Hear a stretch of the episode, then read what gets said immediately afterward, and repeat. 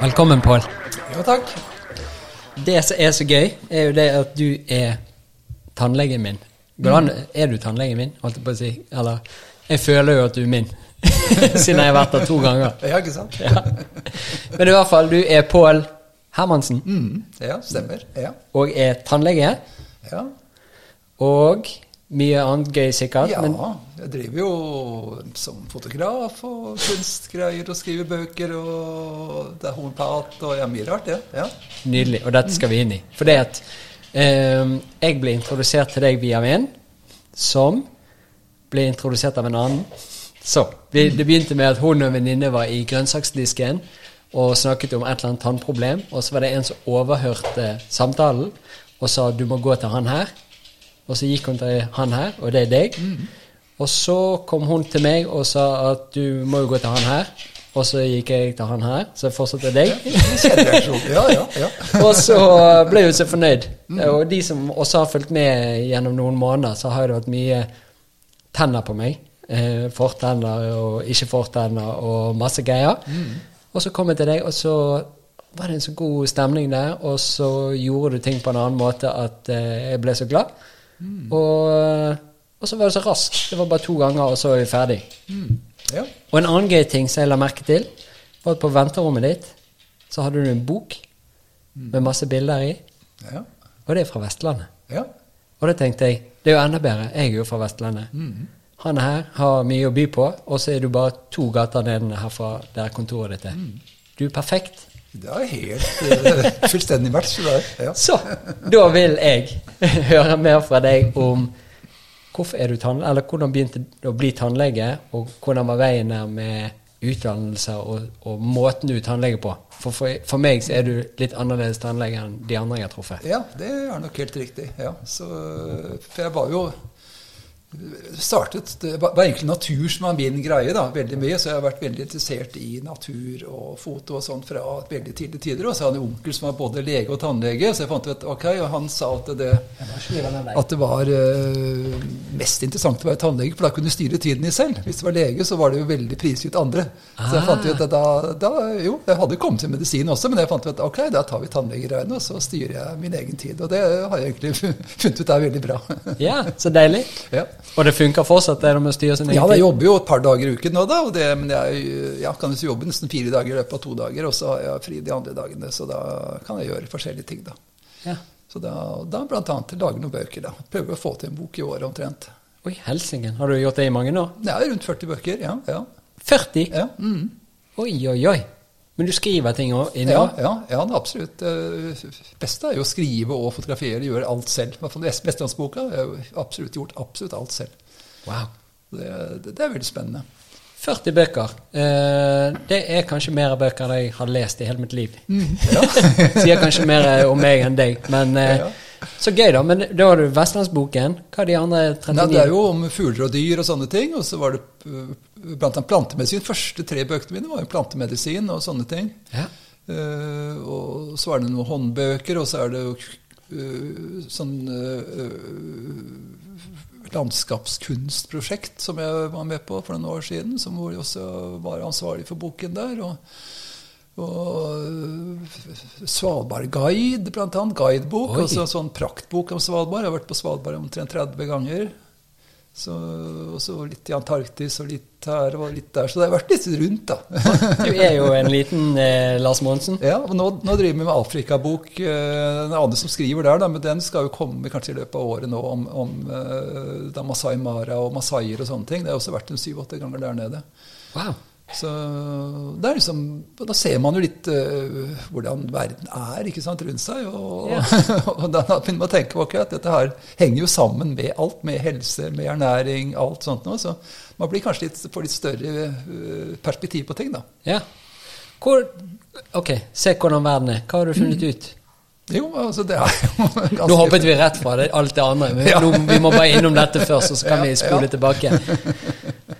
Nei, man ser jo hvordan altså det, Både på Svalbard og i, og i Kenya sant, så er klimaendringene er jo ganske drastiske. Da. Man ser jo veldig klart at det skjer ting. Ja. Og dette er med matproduksjon, ikke sant? f.eks. i Kenya med den tørken og sånn det er der nå, det kommer til å gå veldig utover matproduksjonen. og så, så, Det er liksom veldig skummelt at man da tar så lett på ting. Regner med at i Norge kan vi kjøpe oss ut av alt, liksom. Vi trenger ikke å bry oss om ting, noen ting i Norge. Vi kan bare Ja. kjøpe og ordne og, liksom, og gjøre akkurat hva vi vil. Liksom. Mens, mens verden ellers eh, kommer til å få veldig problemer. Ja. Så, det var, så jeg hadde også skrevet en bok om frøveldet på Svalbard, og da jeg jo, eh, var jeg inne på helt dette her med, med matsikkerhet og forsyningssituasjon og, og genmodifisering hele, hele pakka der. Ja. Så jeg satte meg ganske mye inn i det der, da. Eh, Denne frøbanken vår er jo ganske spennende. Hva, har du vært inni den? Ja, ja, jeg skrev bok eh, for Landbruksdepartementet for en tiårsjubileet der. Ja. Så, så, så da, da var jeg jo inne der og tok masse bilder og, og ja, satte meg veldig inn i hele prosjektet også, da. Ja. Så, at jeg hadde vært litt på kjappe der. Det var ikke helt heldig konstruksjon der. sånn at Det rant jo vann inn som bare det. Ja, men det fikk man ikke lov til å si noe særlig om. Men, men, men det kom jo fram etter hvert, da. ja. Det, nå er det offisielt? Det, Ja, Nå har man endret inngangsporten, nå, da, så nå skal det være bedre. Men Ja, ok. ja. For de som hører på som ikke er vant til det, så går jo også Balto hønen rundt og tasser litt og spiser noen blader, sånn at man eh, trenger ikke henge seg opp i tasselyden. Men eh, Frøbank, jeg hadde jo en gjest for en stund siden, Lotte Konor, som er um, kunstner. ja, stemmer. Og hun eh, snakket jo også om den frøbanken og hvordan vi rotet det litt til det. For da hadde vi hentet ut frø, plantet det et sted, flyttet de plantene til et annet sted, tatt frø derfra tilbake igjen. Og da har du plutselig endret Ja, det sant? opprinnelige frøet. Så det er jo av og til vi, vi tror vi er lur, og så var ikke vi så lur. Nei, det, det er typisk det. Vi skal overprøve naturen, være lurere enn naturen. ikke sant? Og det, vi har ikke sjans, altså. Nei, vi har jo ikke det. Og det viser seg på mye, virker det som, Mm, at eh, vi prøver å finte den, og så biter Ja, den oss i ja, ja, ja, uansett. ja, ja, ja. Den, den hevner seg. Ja, og prøve den der, og prøve å lage en distanse mellom oss og alt det andre, istedenfor å prøve å være en del av det, At vi er hevet over alt annet. ikke sant? Og det, Ja. det er en sånn rar uh, greie som vi tror at vi, vi, vi styrer Ser vi innen innen medisinen også, at man rett og slett skal prøve å overprøve liksom, og, og fikse på ting ikke sant? som egentlig Vi har ikke clou altså, på hvordan ting funker. Nei. Så vi, vi roter det til bare. Derfor har jeg alltid funnet ut at man skal gjøre minst mulig. La naturen rydde opp og bare fjerne belastningene, og så la kroppen og, og naturen ordne opp mest mulig sjøl. Ja. Den er mye, mye flinkere enn oss. Vi har eh, Min oppfattelse er jo ofte det både i medisin og alt mulig annet vi gjør. altså Istedenfor når noe er ikke helt i balanse, eller noe begynner å Du får symptomer på at noe ikke er som det skal, så pleier vi å putte inn flere ting istedenfor kanskje fjerne det som skaper ubalansen. Ja, det det. Og det er jo Ja, det som er så ja, ja. Sånn med, med kraftproduksjon og sånne ting, så skal vi eh, finne på en ny måte å lage kraft på som skal være mer bærekraftig og miljøvennlig, og så viser det seg at eh, ja, nå var det en utrydningstruet ørn, så vi har rotet det til oppi der med vindmøller. Ja. Mens problemet er jo mest sannsynligvis at vi bruker for mye kraft, så vi må endre på noe. Ja, Istedenfor at vi skal måtte styre ordne med de. Hvis man da ødelegger naturen for å berge klimaet, på en måte, det er også en sånn helt misforstått. ikke sant? Ja. Ja, det er veldig Jeg syns vi er en utrolig fascinerende art, menneske. Ja, ja vi, vi gjør jo på en måte klusser til ting for oss selv veldig mye. da, og nå har vi jo en fin borte i Ukraina som, som også liksom, liksom tenker klima og miljø, liksom, hvordan, hvor håpløst det er, liksom. Ja. Sånne prosjekter. Ja visst. Eh, ok, tilbake igjen. Ja. Eh, vi, vi må bare litt tilbake igjen, for vi Ja. må inn i det der frøhuset. Ja, ja, ja. Hvordan ser det ut der inne? Det er jo en stor fryseboks. Det er egentlig relativt kjedelig, men det er ganske spennende på en måte sånn, eh, sånn konseptuelt. Da. Så det er jo flere kunstnere som kommer inn der. Det er på en måte sånn verdens viktigste rom. ikke sant? Du blir litt sånn eh, Ja. ydmyk, på en måte. Ja. Så er det jo sånn vanlig fryselager hvor du har stablet masse reoler. Men der står jo, det er morsomt, noe jo fra Nord-Korea, ikke sant, og sånne rare trebokser. da, Og så har du noe fra Canada og noen fra Mexico og sånn eh, på ligge spredd der. Så det er veldig artig. For det er jo en sånn, sikkert en sånn spesiell følelse med at verden eh, gjør noe sammen for å bevare Eller alle eh, gir noe for å få noe Mm, Ja, ikke til. sant? Kina vil ikke være med. Så de nekte? Nei, men- Har de men- sin men- egen bank, eller? Ja, ikke sant. De, Ja. de vil ikke inn på den vestlige greiene der, nei. Nei. Men mens Nord-Korea de har gått inn at de ser vel at de, de har ikke kapasitet til å håndtere det der selv, kanskje. Og så er de utsatt hvis de tukler med for mye atombomber, så, så er det greit også. Ha noe langt ha noe, ikke sant? Ja. Ja. Kanskje kineserne visste at det var lekkasje i eh, lokalet? Ja, kan være de skjønte at kanskje det ble en istapp alt sammen. Hvordan ser det ut der inne? Er det litt sånn futuristisk eh, Det er egentlig bare sånn eh, sprengt en fjellhall ikke sant? med hvitkalkede vegger og, og rim på døra. da. Så, men det er 18 minusgrader, ikke sant. Så, Ja. Men det, det er jo sånn, det er jo egentlig det å komme inn der var litt sånn både og. For de, de vil ikke ha veldig få som går ut og inn, da, for det skal jo være veldig stabilt klima. ja. Så, men eh, jeg fikk bare nøkkel av Statsbygg. Ja, ja, det greit. Altså, bare kan holde på. der, liksom. Men det, det var sånn som litt ned i systemet. De var ikke så klare over det, tror jeg. Hadde du med en sånn der eh, spionavstøpelgreie så du kunne lage Ja, din egen nøkkel? Ja. Ja, for jeg har jo sett for meg det her eh, frørommet som litt sånn der eh, sci-fi, spennende, gøye hyller og masse sånne Ja, ja. Ja, det er litt artig. Jeg har jo tatt en del bilder i det. står, står I den boka står det masse, masse bilder derfra. Ja. Så ja, Det er ganske artig, men det er jo veldig nøkternt, sånn statlig, ikke sant? men, men Ja. likevel eh, veldig finere i ordet. Veldig mye fargerike eh, Disse skuffene og disse greiene som står der, de er jo preget av hvert eneste land, ikke sant? så de, de har forskjellig karakter. da. Er det sånn hyller som du kan trykke på, så du kan lage sånn og Det er ikke de så avansert, nei. Nei, det er ikke jo svære sånne industrireoler. Så- Ja, ok. oh, dette er spennende. Ehm, hva fant du ut av det, egentlig? Sånn raskt i den boken din med frø, frøgreiene. Nei, altså det var, eh, Da er det jo På den tiden så var det jo ikke Det var bare ett av lagrene var nesten fulle, men nå har de jo en halv til som er fylt opp. og sånt. Da. Men det er, det er jo et veldig fint konsept. eh, og det, var- jo akkurat da holdt de på nede i Syria. Ja. Og, og så var det en sånn prøvebank i Aleppo som var bombet, rett og slett. Og de, eh, de hadde duplikater da på Svalbard. da.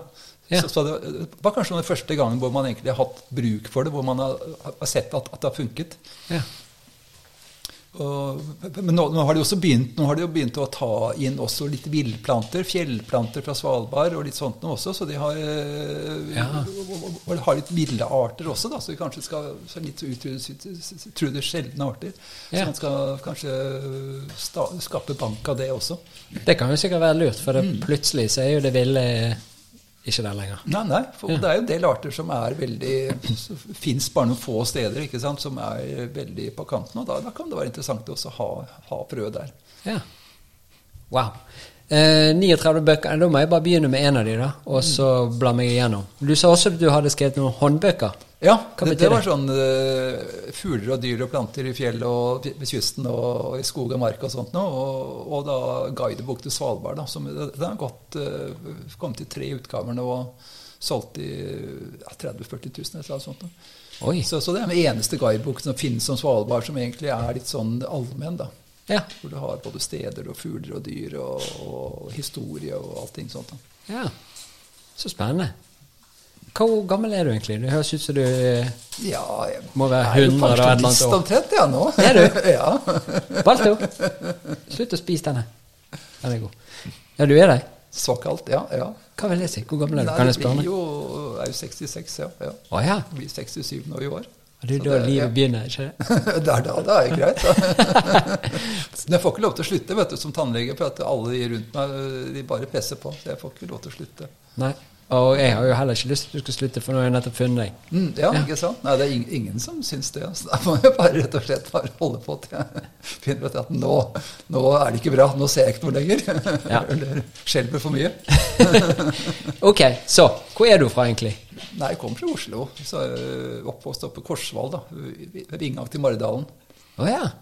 Så- Så da har du vært litt eh, tett på naturen, selv om du har bodd i by? Ja, ja, ja. Så jeg syklet jo inn der som uh, syvåring, content, ikke sant? så jeg har holdt på hele tiden. da. Som jeg så bodde i Ski eh, nå siden 80-tallet.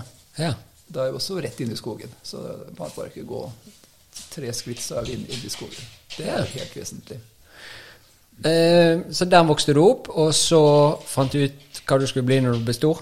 Mm, ja, Var det klart ganske tidlig at Nei, det var jo, Jeg tenkte på da, biologi og sånne ting også, ikke sant? men det, så var det han onkelen som fant ut at det var kanskje fint at, at du kan, kan du styre tiden din, kan tjene greit med penger når du vil, og så kan du ikke jobbe en stund. og Så kan du, så det, fant at det var hyggelig. Og så er det biologi. Du forstår jo, får jo veldig mye forståelse da, for helse og sånne ting. For jeg var jo interessert i det veldig tidlig. Ja. Så med homopati og sånne ting, så hadde jeg brukt det litt da. Så da fant jeg ut at kanskje vi kan først av tannlege og så homopati. Og så tok jeg jo forskerutdannelse og begynte på doktorgrad også i mikrobiologi. Ja. Men det, det ble for mye styr. For det var for vanskelig på den tiden, 80-tallet. Da måtte vi bruke genteknologi og sånne ting for å finne fram. Og det, det var for ferskt og Ja, okay. for lite system egentlig på tannlegesystemet. For, for, for nå kan du jo få, få stipender og stillinger på doktorgradsstillinger. Da måtte du søke individuelt og, og bruke veldig mye energi på det. da. Ja. Så da fant jeg ut at da vil jeg heller eh, gjøre det jeg helst vil, istedenfor å være inne i et system hvor du da blir tvunget eh, inn. Og de var jo ikke så interessert hvis man da holdt på med homopati og sånne ting, så var det også Det trakk jo ned, ikke sant. Det, eh, det Ja. var, var- ikke noe positivt. Du måtte, kunne for all del ikke nevne det når du søkte stipend, ikke sant. For da ble du sett på som litt evneveik. Ja. Så, så da fant vi at da, da var kanskje ikke det et miljø som jeg ville tilbringe livet i heller, liksom. Dette er jo litt eh, spennende, for her kan vi komme inn på mye rart. Men har det endret seg? At homopatibiten Nei. Nei.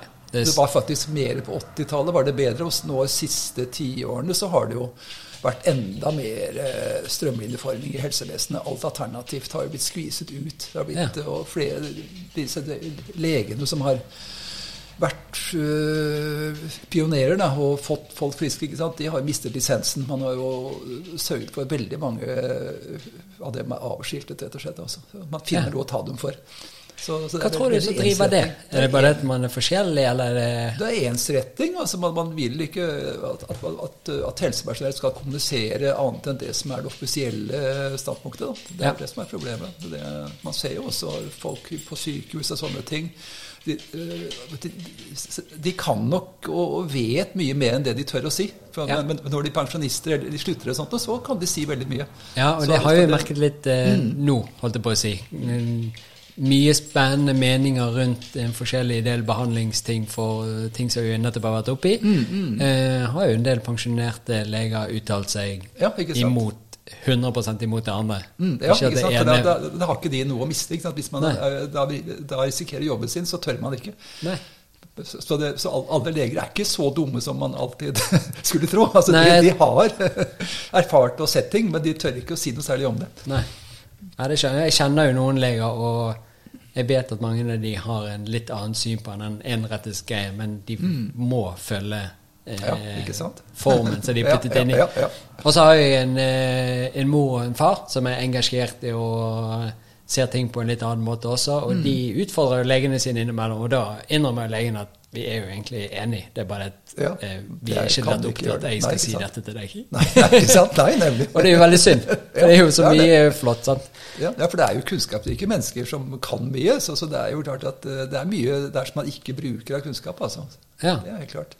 Og det er det jeg også syns det i mange tilfeller For jeg er jo også i den kategorien alternativ medisin med akupunktur og kinesisk medisin Ja, og urter. Mm, og alt det greiene der. Ehm, jeg, jeg har jo opplevd at det funker, og ser at det funker.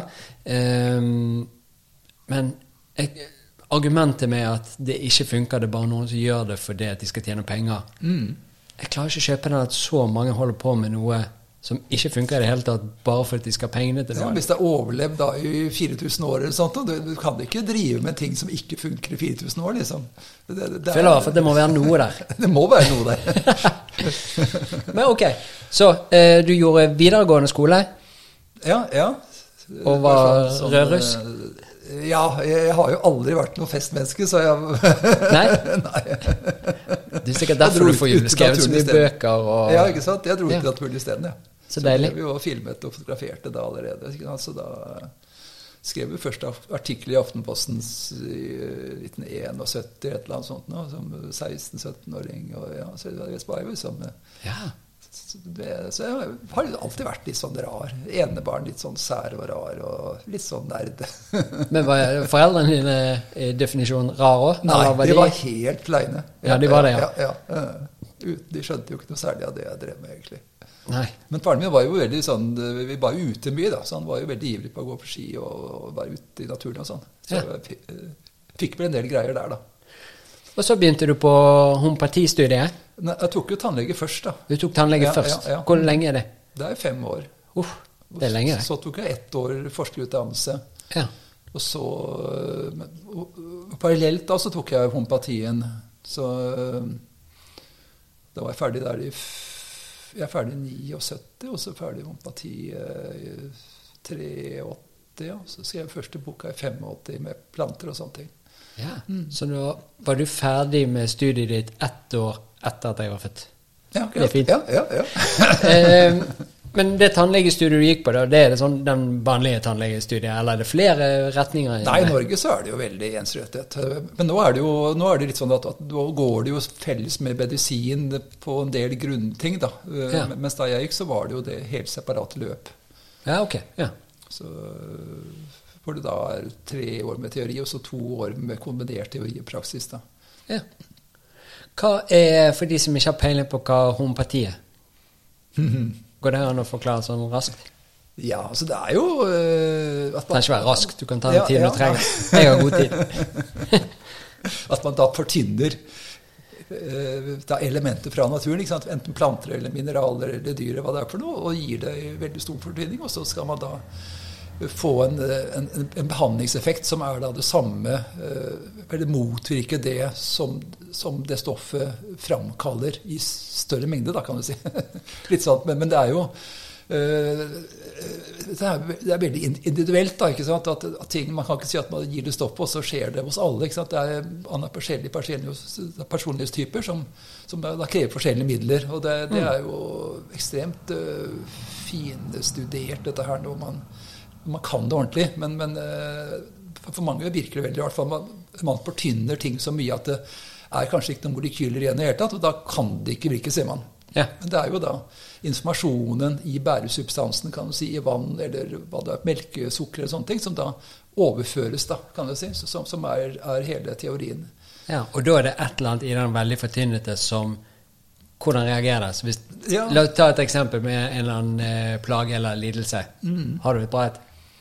Ja, nei, også øh, Du har jo arsenicum album ikke sant? og hvit arsenikk. Hvis Ja. man gir det, så gir jo det feber og veldig mye problemer. Hvis, hvis man tar, tar det i, som stoff, ikke sant. Ja. Så, så, så fortynner man det veldig mye, og så, så kan man ta det da som homopati mot akkurat de samme symptomene. ja. Ved, ved feber, blant annet. Fight fire with fire. Ja, ja, ja, Ja. Men at man da har en veldig fortynnet da, da, da Det er jo forskjellige typer. Altså, hvis man har D6 og D30 og sånt, nå, så er det jo da en del molekyler igjen. Kommer man opp i D200, som man sier, at man dapper fortyner 200 ganger, liksom, da er det ikke et molekyl igjen. Men likevel så er det informasjon der. I, i, i omgivelsene, kan du si. eh, Ja. I eh, på molekylstrukturen, da. Som man, man vet jo ikke Man kan ikke forklare det 100 men man, man, man har jo også gjort forsøk faktisk med det, hvor man har det da hatt veldig fortynnet homopati overfor celjeløsninger, og se at her skjer det da. ja. Men, og det ble faktisk publisert i Lancet også for noen år siden, men da det jo vakte veldig oppsikt. altså Den ble jo da slaktet og publisert i en undersøkelse, men den kunne jo ikke funke. Nei, det ble så- ikke hauset opp nei, i en positiv forstand. Nei, ikke sant? Så, så, altså, det, den, den, ble jo fjernet, rett og slett. For man måtte, her måtte det være noe feil. Ja. Så det var sikkert manipulert og sånn. Så da, da, da ble hele forskningsverdenen gikk sammen der. Ja, ja, typisk det. Jeg hadde jo en litt sånn eh, spennende opplevelse en gang jeg var og spiste på Majorstuen, på en indisk restaurant. Og så har jo du noe Jeg kommer jo fra Bergen, så det er jo en egen, eget land. Og de som bor i det lille landet der, de har jo en tendens til å bli grådig oppskjørtet når de treffer hverandre. Så vi satt ved et bord og bare spiste og snakket, og så satt det et eldre par ved siden av, og hun var fra Bergen og plukket opp, og da måtte jo selvfølgelig hun 'Halloen!' Og så var festen i gang. Men da satt vi der, og da mannen hennes var For vi begynte å snakke hva vi holdt på med. Og mannen hennes eh, var visst et eller annet høyt oppe i noen sånn forskningsledelse på, på eh, forskjellige typer medisiner fra et eller annet eh, instans. Og de gjorde masse forskninger og sånt, og da sa han at han hadde en opplevelse en gang eh, som satt de litt ut av spill. Og det viste seg at de skulle teste virkestoffene i en medisin. og skulle bruke så og så mye eh, dose for at de skulle se virkningen av det. Og så hadde den som skulle lage dosene, rotet det så til at det nesten ikke var virkestoff i det som ble gitt. Ikke sant? Og så sa han, og dette eh, syntes alle var så veldig rart, for det, eh, medisin hadde bedre virkning når de hadde rotet det til med lavere virkestoffer enn den dosingen de skulle ha. Mm. Ikke sant? Men de tok ikke det med i forskningen videre, fordi at forskningen var satt opp til at de skulle finne ut av denne mengden for å behandle dette. Ja, det hadde ødelagt hele opplegget deres, vet du. Ja. Det hadde ikke funket. Nei, nei. Og det var litt vittig, så sa han at dette kan jeg snakke om nå når jeg ikke jobber der lenger. Ja, Men ikke sant? Typisk, ja, ja. eh, hele gjengen ble helt sånn der Hva skjedde her nå? Mm, Hvorfor har vi Og da hadde de gjennom prøvene sine også så at det var en større virkning. Og det kan jo Mm. være tilfeldig, men det var han sa at det var jo litt vittig, og det var da han begynte å skjønne at kanskje det er andre ting som eh, Andre virkemåter Ja, og enn det vi tenker hele tiden. Mm. For biologi medisin i dag er vel veldig mye på sånn reseptorbasert og den tankegangen Ja, i veldig mange tilfeller. Ja, man bruker kjemi, at man rett og slett går inn og endrer kjemiske prosesser i kroppen. ikke sant? Og det er jo øh, veldig uspesifikt og opptil ganske grovt. Så hvis man kan finjustere og få kroppen til å ordne ting mer selv, så er jo det mye lurere. Ja.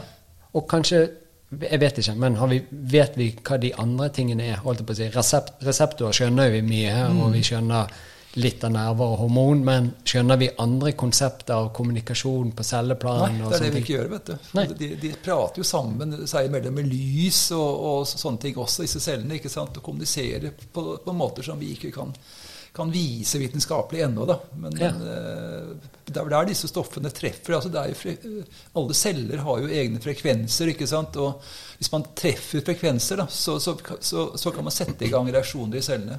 Ja.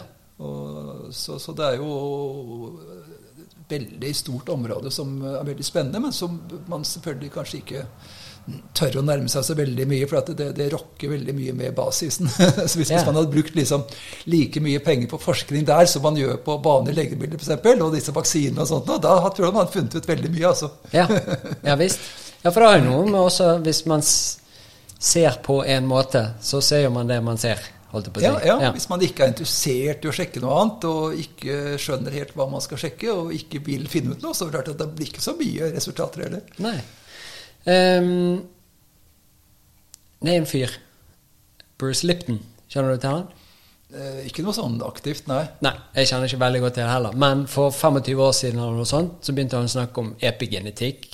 Og ble kalt for kvakksalver, og det var bare tull. Ja, nå er det helt Akkurat nå har vi funnet ut at uh, oi, epigenetikk fins jo. Kjempeviktig, ikke sant? Ja, Knuseviktig, ja, ja, og kanskje noe av det viktigste vi har funnet ut. Og da er det vittig hvordan et stort miljø bare hakker ned på noen fordi noen kommer med en teori om noe som vi ikke har klart å forklare ennå. Og så kaster vi det vekk, og i tillegg tramper på det, istedenfor å kanskje bare være med og åpne eller la den delen av et, eh, et miljø får lov å, å styre på eller til å finne noe. For det betyr jo ikke at nødvendigvis det noen andre holder på med, er feil. Det er jo bare det at vi kan finne ut mer Ja, ting. ja, vi skjønner ikke noe av det nå, men altså, hvis vi er nysgjerrige, så kan vi finne ut av det. Det må være åpne. Det som er vitenskapen skal jo være åpen for alle rariteter. Alle rare sammenhenger som vi ikke vet noe om. Men Ja. ellers, i praksis så er det jo ofte omvendt at man er låst. Veldig, veldig låst. Nå har vi funnet ut noe, og da er det Ja, sånn. og Hvis vi da begynner å rokke ved det, så vil vi jo skape mye trøbbel for oss selv. ikke sant? For da må vi begynne å omdefinere ting. Det er ikke sikkert du får stipend neste gang heller. Nei, nei, ikke sant? Nei. Så, så Nei, det er veldig rart, det der genet ja, der. Ja, ja, det er veldig Og så syns jeg det er litt sånn interessant også med at eh, eh, vi har sånn voldsom Jeg liker jo forskning. Eh, ikke at jeg liker å gjøre det, men det er jo mye gøy vi finner ut Ja, av. absolutt. Eh, men vi har også en for stor tillit til en del ting eh, med forskningen, syns jeg. Og Mm. absolutt. det virker som en sånn økt greie i samfunnet at eh, ja, men forskning sier jo det. Mm. Ja, men herregud, forskning kan jo si alt. Det er jo derfor gulrøtter er livsfarlig en dag og ikke farlig en annen dag. Ja, for vi kan alltid finne noe. Man kan alltid finne forskning som understøtter det du vil finne ut. ikke sant? Ja. Så det er jo det som er litt av problemet her, at det er veldig styrt. altså. Og, det, og, og særlig det her hvis man ikke finner noen sammenheng, kan du si. Det, det, det er jo mindre å stole på enn enn man finner en klar sammenheng. Det er, jo, Mm. det er kanskje greit hvis man sier at man finner ikke noen sammenheng, at man bare slutter at det da er det ikke noen sammenheng. Det kan være veldig feilslutning på at man da kanskje man rett og slett ikke har satt opp forsøk på riktig måte. Veldig mye faktorer man ikke kjenner til. ikke sant? Så, så, så det er veldig stor forskjell. Men hvis man da sier at, at ok, vi finner ikke ut noe, altså finnes det ikke, man, og det kan man ikke stole noe særlig på. altså. Nei. Så, men hvis man sier at man hakler veldig helt klart dette her u, u, helt utvetydig dokumentert, så er det jo mye enklere å, å tro på også. Men dette her hvor man ikke finner noe, det, da skal man ta med klype salt. Ja. Ja, Av og til så bare må vi tro på alt mulig. Kanskje vi bare gjør ting som funker. Ja, ikke sant? Ja. Det, det er- jeg holdt på med i tannlegepraksis også. Det er mye som da man ikke, ikke har lært, men man, prøver, prøver seg fram og ser hvordan ting henger sammen. ikke sant? Og og finne ut at sånn og sånn er det. Altså, det står ikke i noen bok, men det, men det, det funker. Jeg har jo sett mange dyreprogram, og da har vi sett at hvis du da slipper en dråpe blod ute i havet, så langt, langt unna så får en hai sniffen i det blodet. Er det litt sånn som homopati? Den Ja. lille bloddråpen der skulle jo ikke vært to kilometer til høyre. Nei, nei, Det viser jo at du har jo ekstremt, øh, ekstremt gode sanser også på dyr. Liksom, mennesket er jo helt, øh, helt lamme når det gjelder sanser i forhold. ikke sant? Ja. Så, så de kan bare kjenne ett molekyl. ikke sant? Det, det er helt Ja, men det er det jeg syns er så fascinerende, at vi Den eh, forklaringen kjøper vi, men vi klarer ikke å kjøpe den andre. Nei, ikke Som egentlig mest sannsynlig er akkurat det samme. Ikke sant? Ja, det er det der. Så at det bare er, er, er molekylet der. ikke sant? Og dette her med, med disse radioaktive tingene som man slipper ut også, Fukushima og, og, og disse greiene her. At det er jo kjempefortynnet, men likevel så, så er det sånn som sprer seg og kan faktisk spores da på andre siden av havet. ikke sant? Ja. Så det, det, det er utrolig, altså. Det, vi, vi tukler til ganske mye, og så skjønner vi ikke helt konsekvensen av det. Nei. Og så kjøper vi én forklaring som er egentlig lik til den andre, og så nekter vi for den andre. Det syns jeg også er litt sånn deilig menneske. Nå kan det være at jeg husker feil, men jeg mener det er en urteformel fra kinesisk medisin på 11 eller 12 urter som hjelper mot peanøttallergi. Ah, ja, ja, ja. Og så har vi ingen medisin i dag for peanøttallergi. Så da begynte legeindustrien å ta, nei, legemiddelindustrien å ta den formelen, og så tok de ut virkestoffene. Fordi at de da skulle lage en medisin som gjorde akkurat det samme. Sånn at de kan patentere og så selge og kose seg. Så viser det seg uansett hva de gjorde med, med disse virkestoffene de hentet ut, så funket det ikke. Nei. Men når de satt sammen de urtene, så funket det. Og da viser det at kanskje det er flere ting som ikke vi ennå har klart å skjønne at eksisterer.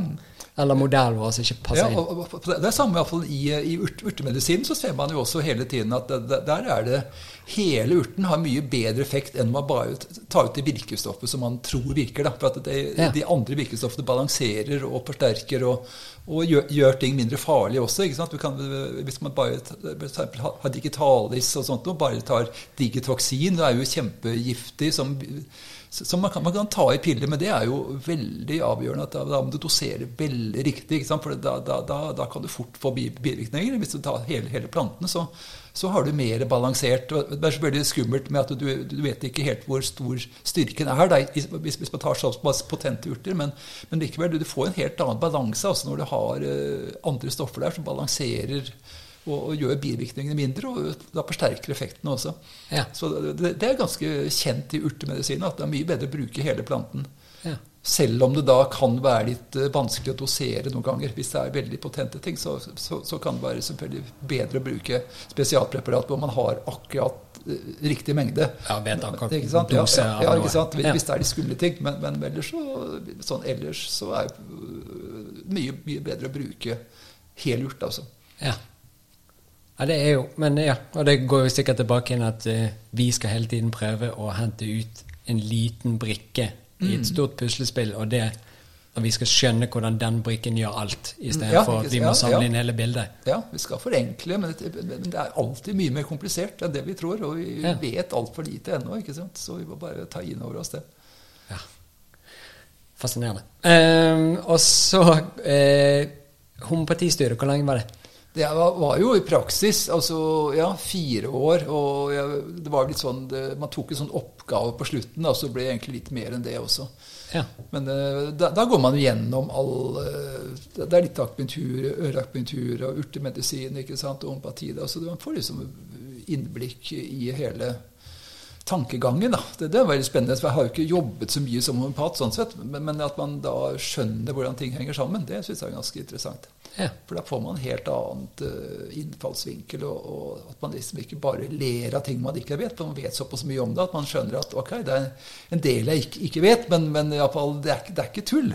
Nei. så, så det er veldig veldig spennende. Så det er litt sånn denne folkeopplysning på TV, ikke sant? hvor man bare Ja, skal le av ting man ikke, ikke vet noe om.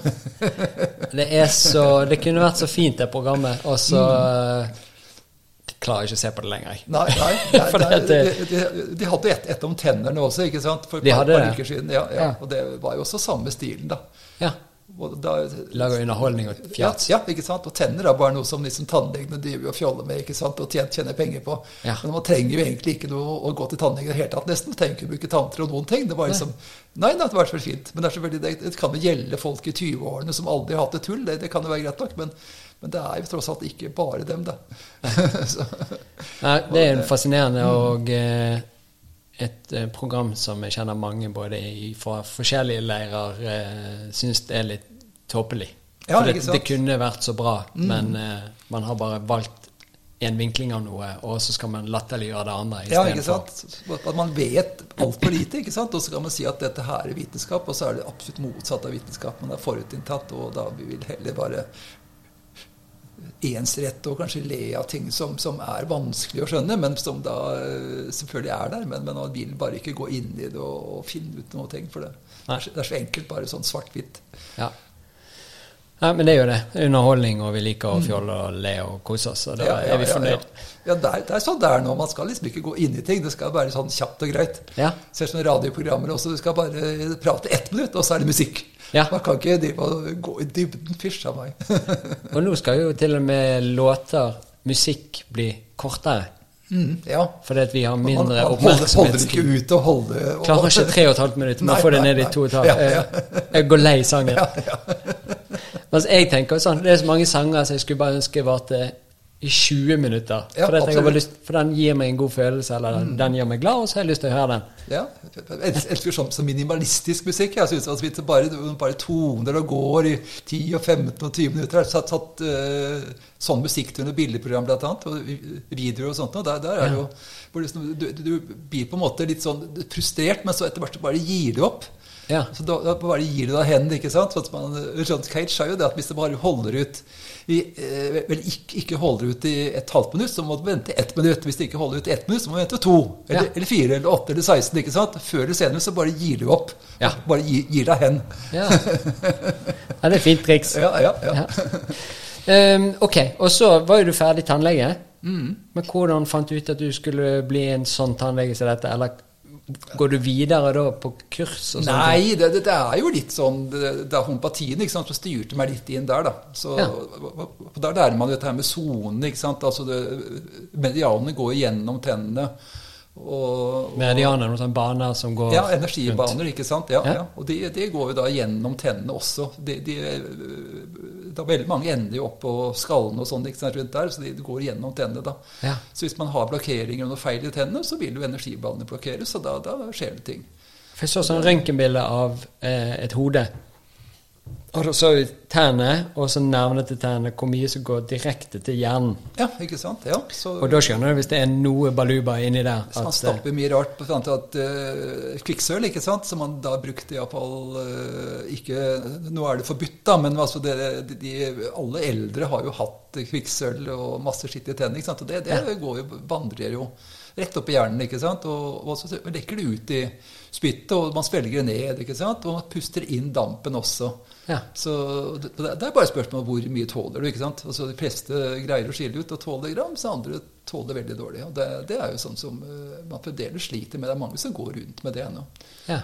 Og det, det er jo virkelig uh, altså Både energiblokkerende og, og gift uh, Veldig farlig gift, da, kan du si. Så det, det er jo bare en sånn sak som, uh, som man helsemessig uh, fikk uh, ja, det var litt sånn kupping nesten, at, at, den, at forbudet kom. For det var, ikke av helsehensyn, det var av miljøhensyn. Ja. Så man greide å kuppe hele tannlegebransjen. De var jo helt uh, forundret at det, gikk an å forby amalgam sånn fort. ikke sant? For de hadde jo regnet med å uh, tyne dette her og holde det i live lenge, men så ble det plutselig forbudt. Så det, det var litt baluba der også. Og det er jo litt vittig, for det er jo stoffer som vi nå bare er sånn Kødder du? Putter Ja, det ja, inn i tennene? ja. Og når folk nevnte at dette kunne være farlig, så fnyste vi lo og sa at eh, tullekopper og alt Mm, Ja, mulig. Og så er det jo vittig, for det, det er jo det vi gjør i dag med mange ting også. Og så gir vi det fem år, og så er, skjønte vi at Ja, ja. det var ikke en god idé. Det, på hele vitenskapshistorien er jo full av sånne ting. ikke sant? Så man burde jo lese litt der da, og se hvordan Ja. Da Man har hele tiden ledd av det, ting man ikke har skjønt. eh, ikke sant? Og så plutselig så kommer det vi med asbest også. Det tok jo også 40 år før man begynte å skjønne det. Ja. Og, og, og, og, røyking, det var jo også kjempepopulært og fint. og 70-80-tallet når fastlegen Ja, ja, sitter ja, og sigger foran deg og Ja, ja, ja. sier at du må få bedre helse. Ja, husker jeg var uten sånn, sånn, sånn lege legegang. Ja, fikk noen sånn allergisprøyter, og han sto med liksom sneiten i kjeften, ikke sant, og Ja. asken rant ned der og sånt, og bare sto og så stakk inni armen, ikke sant. Psh, og psh. Det var, liksom, det var helt utrolig, det. Det var sånn rundt 75 eller noe sånt. ja. Og det er jo ikke så lenge siden Nei, heller. nei, ikke sant? Nei. Og det er vittig hvor fort vi glemmer. Ja, ja, ja. Helsike. Ok, men um, så. Du nevnte for meg når vi var hos deg, eller det gøye med deg, da, det var jo det at uh, jeg kom inn i stolen, og så hadde jeg en sånn fortann som var slått ut når jeg var ung, og så var det måtte de fikse ordene over noe som sprakk hos forrige og så sa du at vi kan gjøre en sånn midlertidig ting, Ja. og så kan vi se hvordan uh, fremtiden blir med nye teknikker og sånn og sånn og sånn. Og hvis det vi gjør nå holder, så kan du leve helt fint og kose deg. Ja, ikke sant? Og da fortalte jeg deg også om For da jeg var ung, så hadde jeg en sånn klump bak i hodet som alltid var, ga hodepine. Og ingen skjønte noe av. Det var sånn ekstremt hodepine på akkurat et lite punkt. Akkurat, ja, ja. Og da ble jeg sendt til spesialist, og spesialist eh, til slutt åpnet opp og tok ut et eller annet litt rar, klumpete greier. Eh, sydd igjen. Ingenting endret seg, eh, så nå mangler jeg en klump baki der. Jeg vet ikke om jeg skulle ha den eller ikke, men i hvert fall så har det fortsatt eh, vondt akkurat baki der. Eh, og så tok du bilde av eh, nebbet mitt, tennene, og så kunne du se på ene tærne at det var en liten sånn tendens til noe Skygge, skygge, Ja, ja, ja, og det var en betennelse. Mm. Og så sa du at hvis du ser det fra en litt annen vinkel, så er det en ganske stor greie. Det er bare at du ser ikke det så godt fra denne vinkelen. Mm, Og la oss bare trekke ut hele driten, og så lager vi Hva heter dette? Krone? Nei, eh, Dette bro? er, ja, dette her er en sånn midlertidig bro, på en måte, da, som, som er bare limt fast uten, uten at man eh, gjør noe inngrep i tennene i det hele tatt. Ja. Så da dro du ut den roten, Ja. og akkurat da den eh, kom ut, så kjentes hodet mitt helt sånn superlett ut. Det var akkurat som noen som bare tok et flygel Ja, av hodet mitt. det er på en måte energien Du bare, bare drar korken av flaska, kan du si. Og så energien plutselig flyter fritt. ikke sant? Ja, og så ja, ja. det der ene punktet bak her, vekke. Ja. Og det skjedde jo idet den roten kom ut. Ja, ja. Så akkurat det, allerede der ble jeg litt forelsket. Mm. Og så bare var ikke det så mye Og så likte jeg også veldig godt eh, Trond, nå tar vi ut den tannen. Vi kan putte inn en midlertidig tann, men det er bare et par dager. Mm. Eh, klarer du deg uten? Så tenkte jeg det er så deilig istedenfor sånn fjollete greier. Jeg føler jeg kan gå uten en tann. Så klinte vi en inn så ikke hadde vært noen sånn spesiallakkering, bare en som lignet sånn noenlunde. Mm. Og så er det helt perfekt. ja, ikke sant? Og nå når det har begynt å gro oppi der, og alt er fint, så Mm. jeg ble jo gladere og gladere for eneste dag. Ja, ja. Man bare, bare, fjerner belastningene, og så ordner kroppen opp selv. ikke sant? Det er Ja. det som er veldig spennende. At man ikke tukler til hvis man, man kan skru ned en svær skrue der igjen. Da, da vil man jo skape ny blokkering, som da er sikkert like ille, nesten. Ja. Så da, her må man jo fjerne betennelsen, la kroppen rydde opp i det, og så gror det ordentlig. Og så, så kan man jo eventuelt sette inn noe senere. Men hvis man bare kan greie seg uten, så er det absolutt det beste. Ja. Og det, det, og det kommer jo nye teknikker etter hvert også, så man eh, Bedre materiale iallfall. Man har jo ikke noe vits i å forhaste seg. Nei. Og så eh, sa du at eh, materialet var viktig, og limene som ble brukt. Ja, mulig. Ja, For, ja, for hva er det? For det, hva gjør det hvis du bruker en annen type? Nei, så det er jo hele tiden Hvorfor er det forskjellige typer? ja. Det er noen altså det, det er noen de eldste er jo de som ofte inneholder mest mest frie plaststoffer på. Men så har det kommet til nye typer nå som, hvor det da ikke er plast i det hele tatt. ikke sant? Og Det samme er også med med kroner. De er jo nå uten metall. Først var det med metall. ikke sant? Så det, det, blir hele tiden bedre biologiske materialer. For alt man putter inn i munnen, og som er der 24-7, ikke sant? det, det avgir ting, og det skaper uh, reaksjoner. ikke sant? Så alt skal være mest mulig inert. da, ikke... Og alle metaller egentlig er jo, er jo negative. ikke sant? Det skal ja. være ikke betennelse, ikke metaller. Det er på en måte retningslinjene. da. Ja. Og fjerner man det man eh, skal der, og så gjør minst mulig annet og lar kroppen ordne opp. Du sier retningslinjene. Hvem sine retningslinjer? Mine. Dine, ja. ja, for det tenkte for det. Andre tannleger har vært i, er jo det mest mulig metall ja, og Det er mest mulig. Gjør, gjør, gjør, mest mulig, selvfølgelig. Og så er det i Oslo, så er, har man jo også litt for lite å gjøre. Det er noen, som, noen klinikker som er veldig fancy og dyre, så da må man ha inntjening hele tiden. Ja. Så det, det, har jeg hatt mange sånne, sånne, sånne, pasienter som sier at de, de har jo fått anbefalt altså det, det er hundretusenvis av kroner, altså. Så, de anslo den fiksingen av meg nå mm. til et sted mellom 50 og 60. Ja, ikke sant? Og så tror ja, jeg vi landet på 6000 ja, med deg. Ja, ja, ja, ja så foreløpig er jeg jo kjempefornøyd. Mm, Hodepine vekke, jeg har en tann, mm, og så får vi se hvordan det går. Og, men eh, foreløpig veldig fornøyd. Ja, ja, ja, Nei, altså Det er jo det vi håper, at man kan uh, fjerne belastningene og la kroppen ordne opp, og så gjør man ikke noe annet galt for, for uh, å erstatte eller sånt. Da. At man gjør minst mulig skaper minst mulig problem videre. For det er det jeg også liker med kroppen. Det er jo det at hele tiden prøver den å bare være seg sjøl og være hel. Mm. Så hvis du kutter deg i fingeren, så prøver den å bare gro det fortest mulig. Så hvis du bare sørger for at eh, det ikke ligger alt mulig rare ting inni der, og at eh, sårflater er fine og sånn, så går jo det. Så mm. den ideen har jo vi veldig klar for oss. Ja. At sånn funker det. Mm. Men det gjelder jo på alle plan inni kroppen. Absolutt. Og Derfor syns jeg også det er interessant når noen sier at nei, men det der stoffet der er ikke farlig, for det, det er en så liten mengde. Mm, ikke sant? Så kan jo det være, hvis kroppen din ikke blir utsatt for noen ting i løpet av en dag som er negativt, at det ikke hadde noe å si. Nei. Men jeg har jo skjønt også det moderne mennesket er jo borti ting hele tiden og spiser ting og vasker seg med ting og gnir seg inn med mm. ting som hele tiden er småbelastninger som hoper seg opp til å bli en stor belastning for kroppen. Sant? Ved all maten vi spiser også, sant, så er det jo giftstoffer alle veier. Særlig sjømat er det faktisk ganske farlig å spise nå på mange måter. Ja. Mye kvikksølv og PCB og, og dioksiner og sånne ting. Ja. Ja, Mikroplast og sånne ting. ja. Og så har vi alle disse trådløse tingene som er rundt oss hele tiden også. Det påvirker også cellene våre.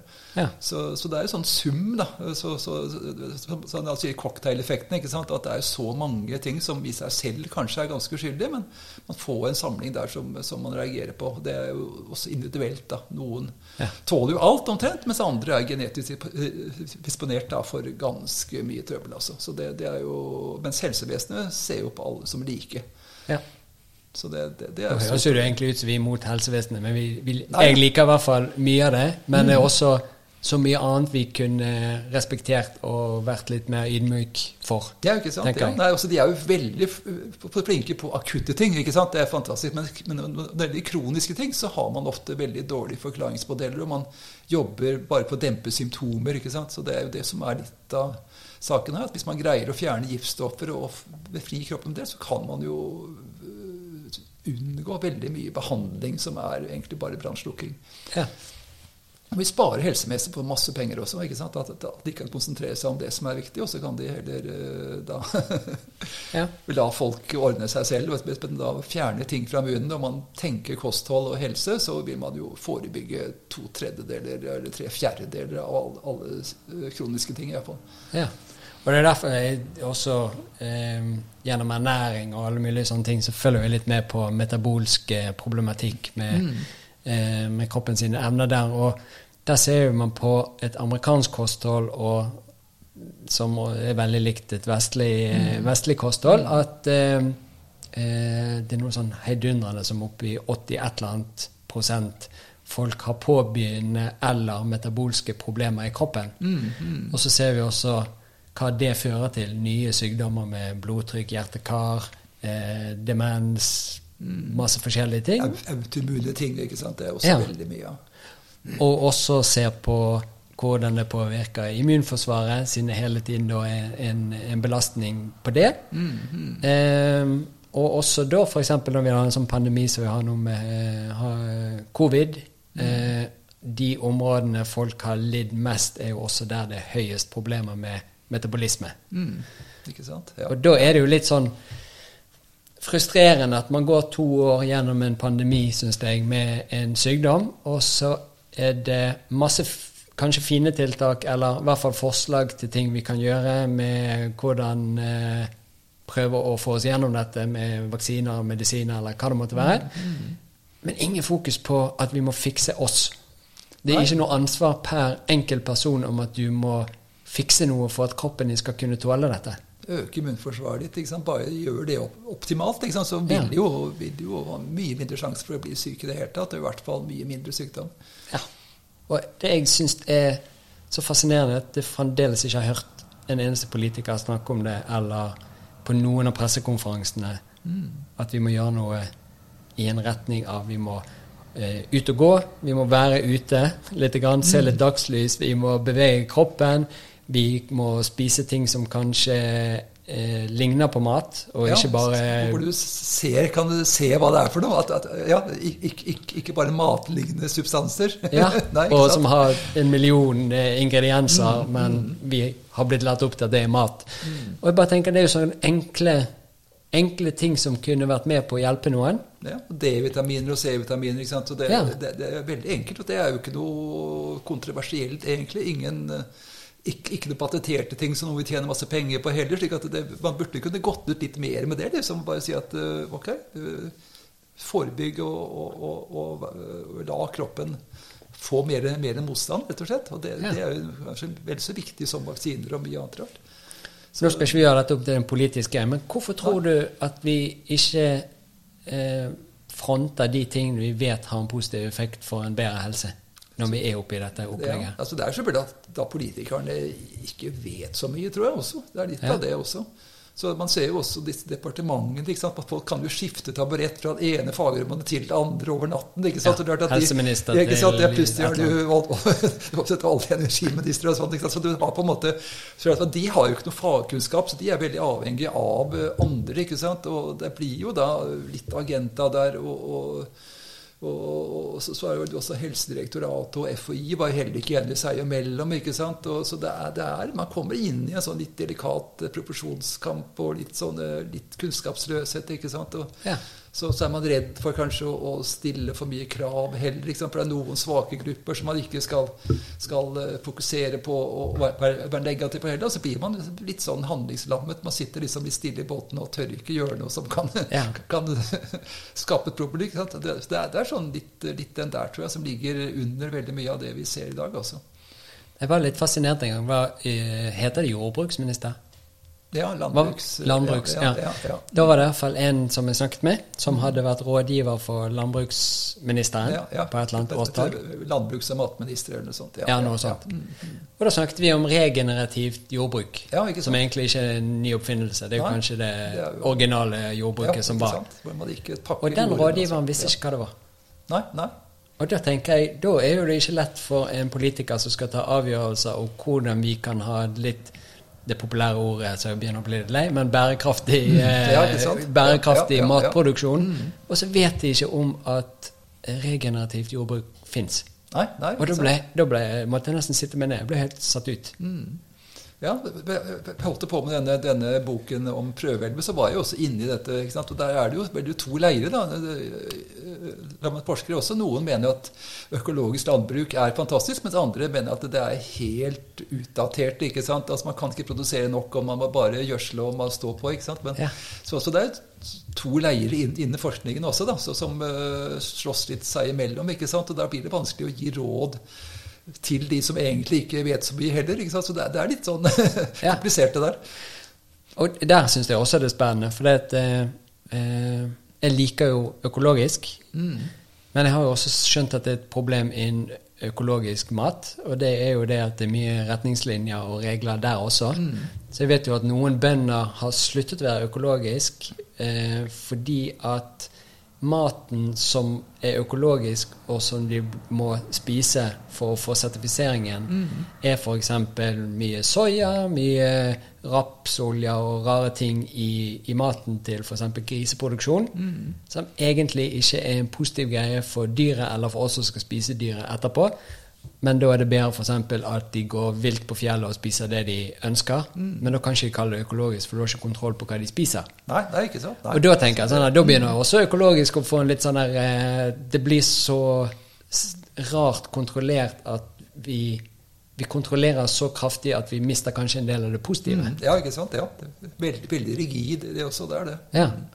Eh, og det betyr ikke at jeg ikke heier på økologisk, for jeg syns jo at eh, økologisk planteproduksjon og alle disse tingene er jo fint så lenge, for da slipper vi i hvert fall unna sprøytemidler og kunstgjødsler og så sånne så er ting. det så, så, på en måte sånn eh, da produksjonsevnen på lang sikt også. ikke sant? For Mm. Man regner jo med at hvis man bare fortsetter sånn som man gjør nå, med pøse på med mer gjødsling og mer traktor og, og, og sammenpressing av jord og sånt, så, så vil det etter hvert være stopp. Man, man greier ikke å få mer ut av jorda, rett og slett. Så det er slett helt nødvendig å begynne å tenke litt eh, biologisk bærekraft der, altså. Ja. Det, det er helt klart. Uh, har du skrevet bok om dette? Ja, det er jo den frøveldeboka. så gikk jeg jo inn i veldig mye av det der. Så, Ja. ja. så det var jo hele maten, hele verdens matproduksjon, ikke sant, hvordan det hvordan disse, disse store selskapene da har holdt på med genmanipulering, bare så man kan, kan sprøyte mer. ikke sant? Mm. Så det er jo, Mens da den nye genmanipuleringen er jo veldig interessant, for der er det jo den CRISPR-generasjonen, hvor man da kan gå inn og finjustere genene eh, og, og gjøre ting da sykdomsmotstandsdyktig, kan du si, så man slipper å sprøyte. ikke sant? Og at, at vi tåler tørke bedre og sånt, og det er jo veldig spennende. Ja. Så, men- den, eh, så, så man skal ikke være mot genmanipulering sånn sett. Det, det, det kan gjøres veldig bra også, men det må bare være at, at det er mer åpent. At det ikke er noen selskaper som tjener masse penger på det. ja. Oh, Jeg kjenner jeg blir så engasjert og fin. Men eh, For det er jo også litt spennende at vi som Norge har jo vi skjønt nå at eh, når det er noen kriser ute og går, at ikke vi får forsyninger av enten pandemier eller at det kriger et sted, så har vi plutselig mangel på mye ressurser. Mm, ja, ikke sant? Ja, Og på et eller annet tidspunkt, hvis det skulle eskalere, så er ikke vi selvforsynt. Nei, det, Nei, vi, vi er, da kan vi sitte med vi, vi, vi penger. ligger jo rundt sånn, sånn 40-45 eller sånt. ikke sant? Så vi har jo ikke noe kornlager. ikke sant? Alt, alt, alt er jo bare studenthybler nå. Ja, det er jo det. Ja. Og det var vel i begynnelsen av 2000-tallet eller noe sånt de bare fant ut at nei, vi trenger Ja, ingen nei, vi, reserver. vi, vi kan sikkert få kjøpt oss noe. ikke sant? Og det, vi har jo selvfølgelig ressurser. Vi er ganske få mennesker, trenger ikke så veldig mye, og vi har masse, masse betalingsevner. slik at vi er de siste som kommer til å sulte. Ja. Men, men eh, det er ikke bare oss her i verden heller, da. Nei, det er vel mange som har opplevd dette og står med kredittkortet full av penger, men hvis Nei, ikke du ikke kan kjøpe noe, så kan du ikke kjøpe noe. Nei, så det er ganske spennende at man er så opptatt av penger også, men, men, men det er jo bare en sånn, sånn eh, menneskeskapt eh, påfunn, egentlig. Hvis du ikke kan få noe for de pengene, så er det ikke verdt en sur sild, altså. Det er det, nei, det, det er ganske viktig å tenke på. Ja. At penger er ikke det viktigste. Nei. Det er sånn kong Midas-sak at alt du tar blir til gull, ikke sant? og da maten blir til gull også. Da kan du ikke leve. Nei. Så det, det er en sånn man, man må ikke være altfor grisk. Nei.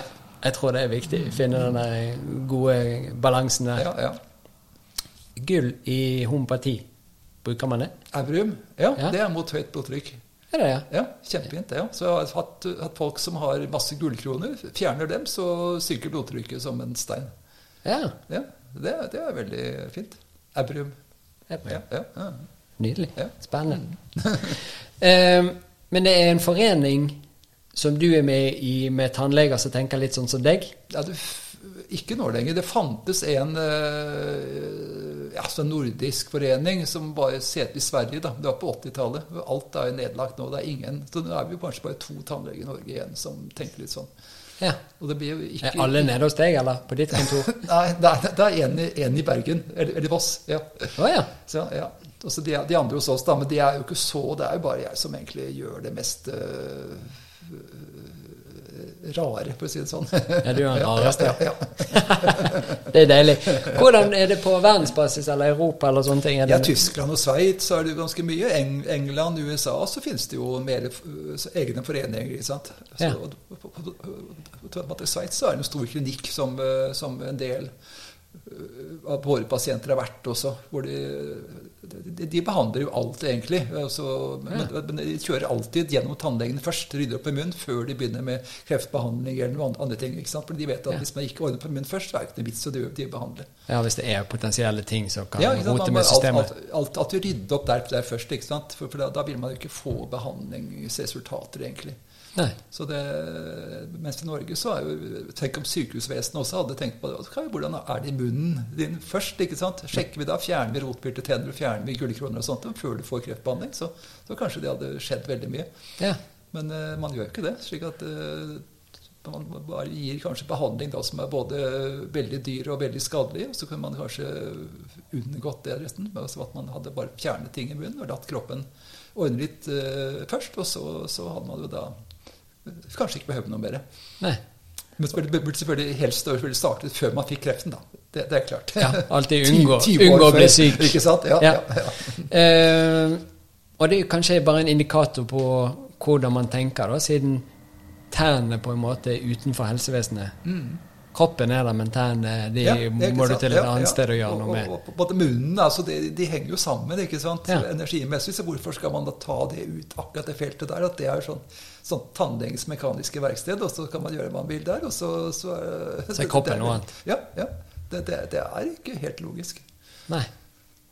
Jeg lurer på om det var morfar som sa eh, Og så har jeg skjønt at det er en vanlig greie, men hvis du skal kjøpe en hest, så sjekker du tærne. Mm. Ja, ikke sant? Ja. Ja, ja. Og jeg tenker jo det Jeg vet ikke, men hester er sikkert ikke på hos tannlege hele tiden. Så det har jo ikke bare med hva vi har på tærne, og som ødelegger det, men, Ja, men det har jo de- de- kanskje en helsetilstand som viser til noe. Ja, du, du har jo det. Du vil jo se også hvis det er veldig blødende tannkjøtt, ikke sant, og sånt, og så ser du at her er helsetilstanden dårlig. For øh, det er jo særlig sånne, sånne øh, som har veldig blødende tannkjøtt, øh, over, både overfladisk og, og mer øh, dyptpløyende, da, kan du si. Der, der er det faktisk veldig helsefarlig. Man ser, der har man veldig overhyppighet av hjerteinfarkt og, Ja. og demens og diabetes og, og faktisk mye sånt. Altså. Det, det er eh, skummelt. Vi, vi har noen pasienter som har veldig klart sammenheng. Andre selvfølgelig tåler jo alt da, tilsynelatende, men, men, men eh, det, det er, man tåler jo alt når man er ung, og så blir det da etter hvert Ting at mindre og mindre å gå på. Så hvis man da har masse rart, da, så, så øker sjansen, da. Ja. Eh, og så er det dette, tenker jeg, med, med Jeg husker av og til var noen som ble ledd av på skolen når de var unge fordi de fikk sånne rare felter på tennene og sånt, og så var det fordi de hadde tatt medisiner i en periode. Ja. Eller jeg husker også jeg hadde Tetrasyklin brukte man en del før, og da, fikk, da hadde man veldig misfargede tenner. Ja. Det har man sluttet å bruke. Og så noen da. sånne hvite, rare områder Ja, og litt sånne ting. Ja, ja, ja. Så det viser jo et eller annet kanskje at ting vi putter inn i oss, påvirker tennene på en måte, for det, blir vel næret på en eller annen måte, og sånn som en negl eller hår eller Ja, ja, et eller annet. Ja, det påvirker jo disse, disse øh, celletypene som, som danner tannene, ikke sant? Ja. Både am amyloblaster og dentinoblaster og sementoblaster, alle disse cellene som, som danner tannbestandene, de veldig, kan være veldig utsatt for medisiner og veldig høy høye innhold av fluor annet og sånt. Og da kan du få mis misfarginger, så det, det, det henger jo sammen med resten av kroppen, selvfølgelig. Greit. Hva er tenner laget av? holdt jeg på å si? Nå sa jo du mange ting, men hvordan ser det ut? Ja, Grunnen til at jeg spør, er fordi at bare det skjer mye oppi hodet her nå. Men sånn som jeg har forstått, så er jo ikke bare tenner en, en, eh, en eh, hva skal vi si, keramisk flis. Det er jo masse kanaler og Ja, ja, ting som går gjennom det. ikke sant? Med, Ja. med blodår og, og, og nervetråder. Og så er det da tannben som dekker til det. Og så er det da emaljekappe utenpå igjen. Ja. Som da beskytter, ikke sant? Som, som er veldig, det, det absolutt hardeste vev i kroppen. Ja. Og, og det er jo hydroksylapatitt. da, altså det, det er rett og slett kalsium og, og, og sånn, sånn, OH-joner som ligger i sånt veldig tett nettverk, og så litt grann fluor. Ja. Og det, det er kjempehardt. ja. Hva når vi utsetter tennene for forskjellige Vi drikker litt Farris her nå. Er det noe, Er det bra for tennene? Ja, det er helt, helt greit. Ja, ja, Hva er det boble gjør? Nei, altså det er jo bare Hva kan være negativt? altså det, er jo, det er jo CO2 som er oppløst. ikke sant? Det, det, skal, er jo en svak syre. da, så hvis, hvis man bader tennene i det hele tiden, så vil vannet bli litt mykere, kanskje. Men, men, men, mye, mye verre er jo øh, appelsinjuice og sånne ting. Hvis, hvis man drikker det ja, Ja, ja, eddik også, men ikke så veldig Men, men cola også, ikke sant. Det er også Ja. fos, fosforsyre, sånne relativt svake syrer. Og, mens da særlig eh, sitrus, det er jo litt sånn kelatoreffekt som, som da tar ut kalsiumioner også i tillegg. Ah, ja. Så, så da blir maljen enda mykere. Så hvis man børster tennene veldig grundig etter at man har drukket jus eh, hver eneste, eneste dag, så har man plutselig ganske lite malje igjen. Og sliper det ned, på en måte. Ja, ja, for, Sliter det. For det blir mye, mye mykere, da, rett og slett. For jeg pleier liker å drikke litt grann eplesidereddik, for jeg blir så grådig frisk og fin om morgenen når jeg drikker ja, det. Ja, helt fint. Hvis man bare skyller munnen etterpå, kan du si, og ikke, ikke, ikke bare skyller, eller bare skvulpe godt rundt i munnen og så børste tenner. Ikke sant? Det er ikke noe særlig lurt. Man bør da skylle med vann etterpå, slik at man får, får det bort, og så venter litt. Rann. Nydelig. Så, så er man helt, eh, helt fri for det. Ja. Å, så digg. Eh, når tenner sin emalje blir litt sliten, eller tennene blir eh, litt svakere og sånn, går det an å endre på noe i kroppen med næring eller stresspåvirkning eller noe som helst for at det kan bli sterkere igjen, eller er det noe som man bare kan eh, bremse aldringen på, på en måte? Hvis Ja, du det er skjønner? jo, du, selve disse ameloblastene som danner emalje, de er jo borte når tannen er framme. slik at du får ikke dannet ekte ny emalje igjen.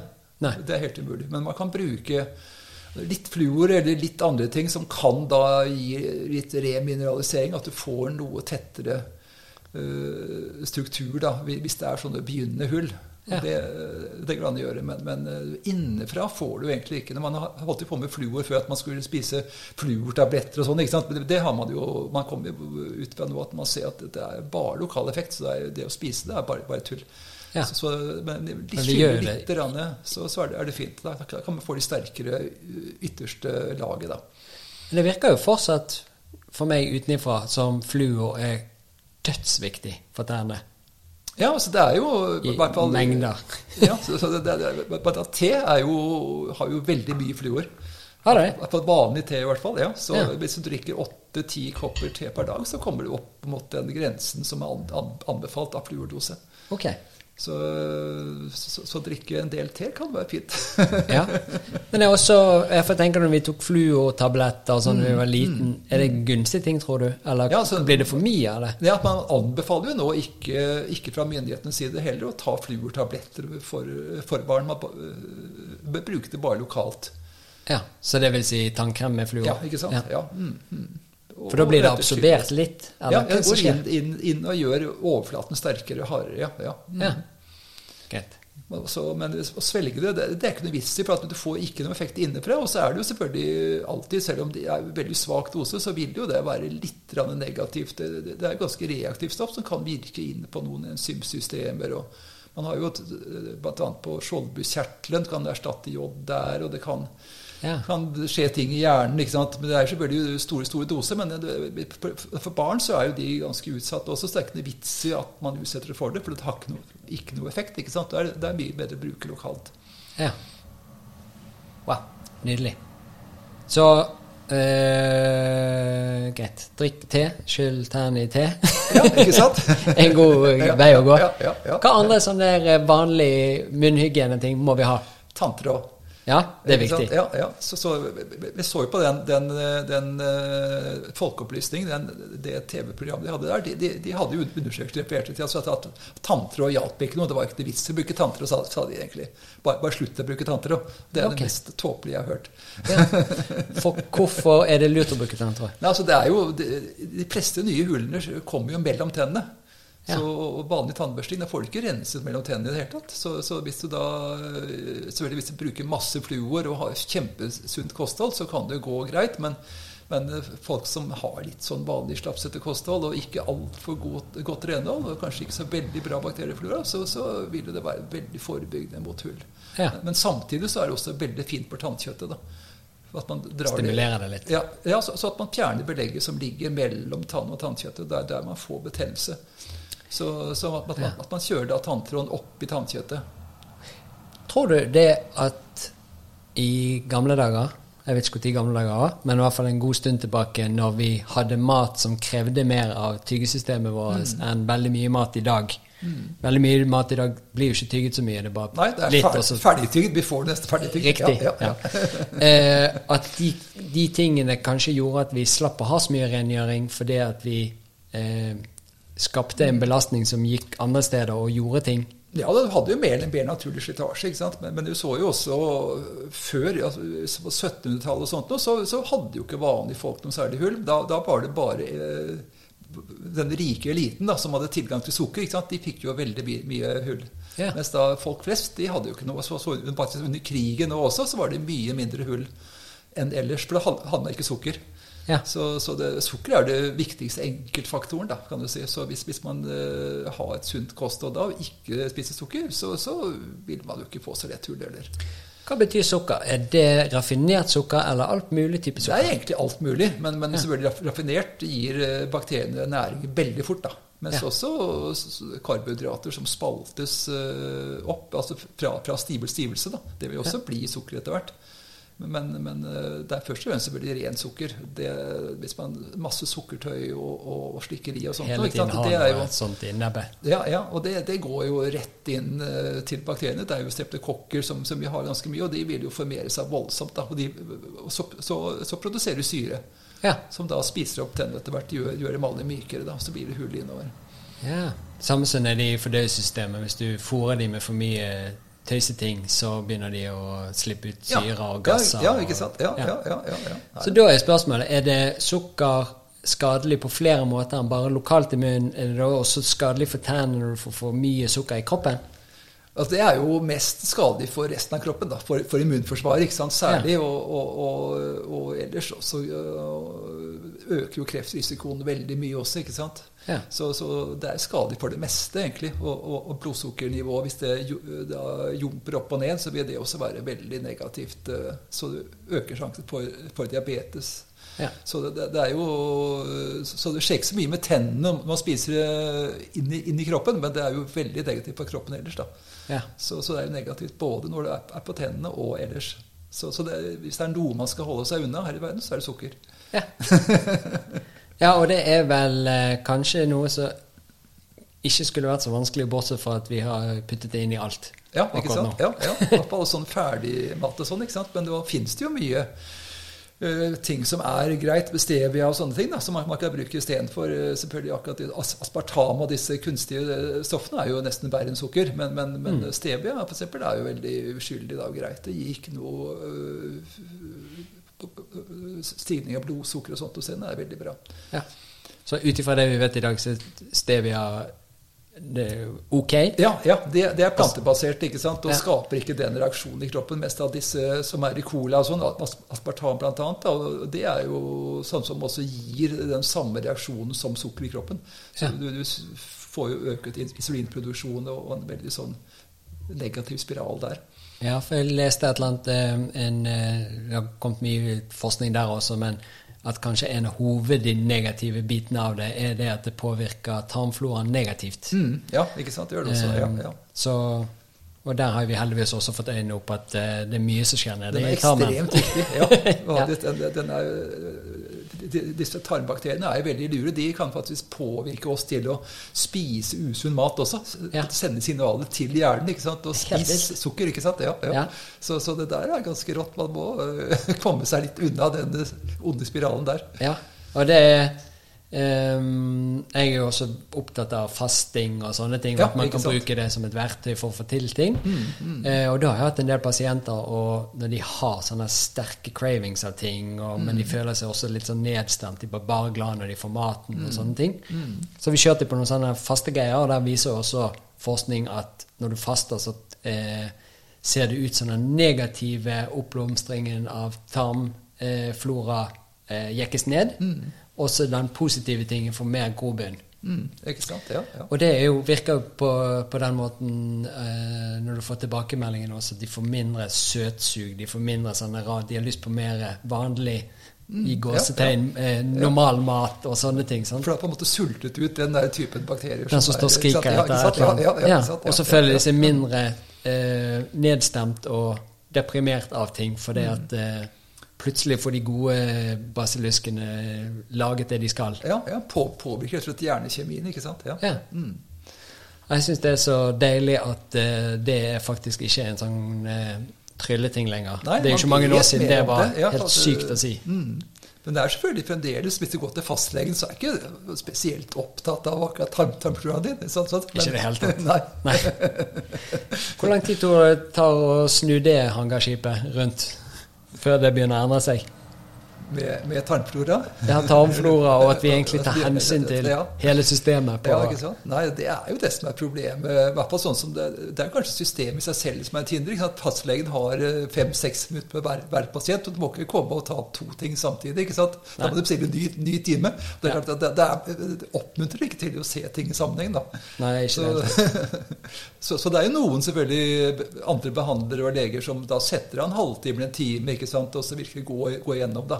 Ja. Så, så det er jo sånne behandlere man bør oppsøke istedenfor fastlege. Det er så greit nok hvis man kan ha en, ha en resept og ha noe enkelt, men, men fastlegen har ikke alltid så mye eh, kunnskap og tid til å gå inn i sånne ting. Og så vet man for lite kosthold. Det er noe man vet veldig lite om, egentlig. Ja. Jeg hadde en sånn fin fastlege eh, når jeg bodde i Bergen. Mm.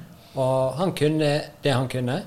Og jeg holdt på å eksperimentere med alt mulig rart. Eh, Ja, ja. Men det han sa til meg, var bare dette er det jeg kan anbefale ut ifra det jeg vet. Ja, ikke sant? Og hvis du har andre innspill eller noen ønsker og hvordan vi kan gjøre, så kom med de, og så kan jeg se om det passer inn i hvordan jeg tenker, og så kan vi komme frem til noe. Ja, ikke sant? Og det er jo Og det var en sånn veldig, konstruktiv holdning. ikke Ja, sant? istedenfor absolutt. sånn der fjas Nei, det Ja. der funker. Jeg hadde en Ja. sånn der faste på 26 dager, Mm. og da sa han ut ifra det jeg vet, så er ikke det en god idé.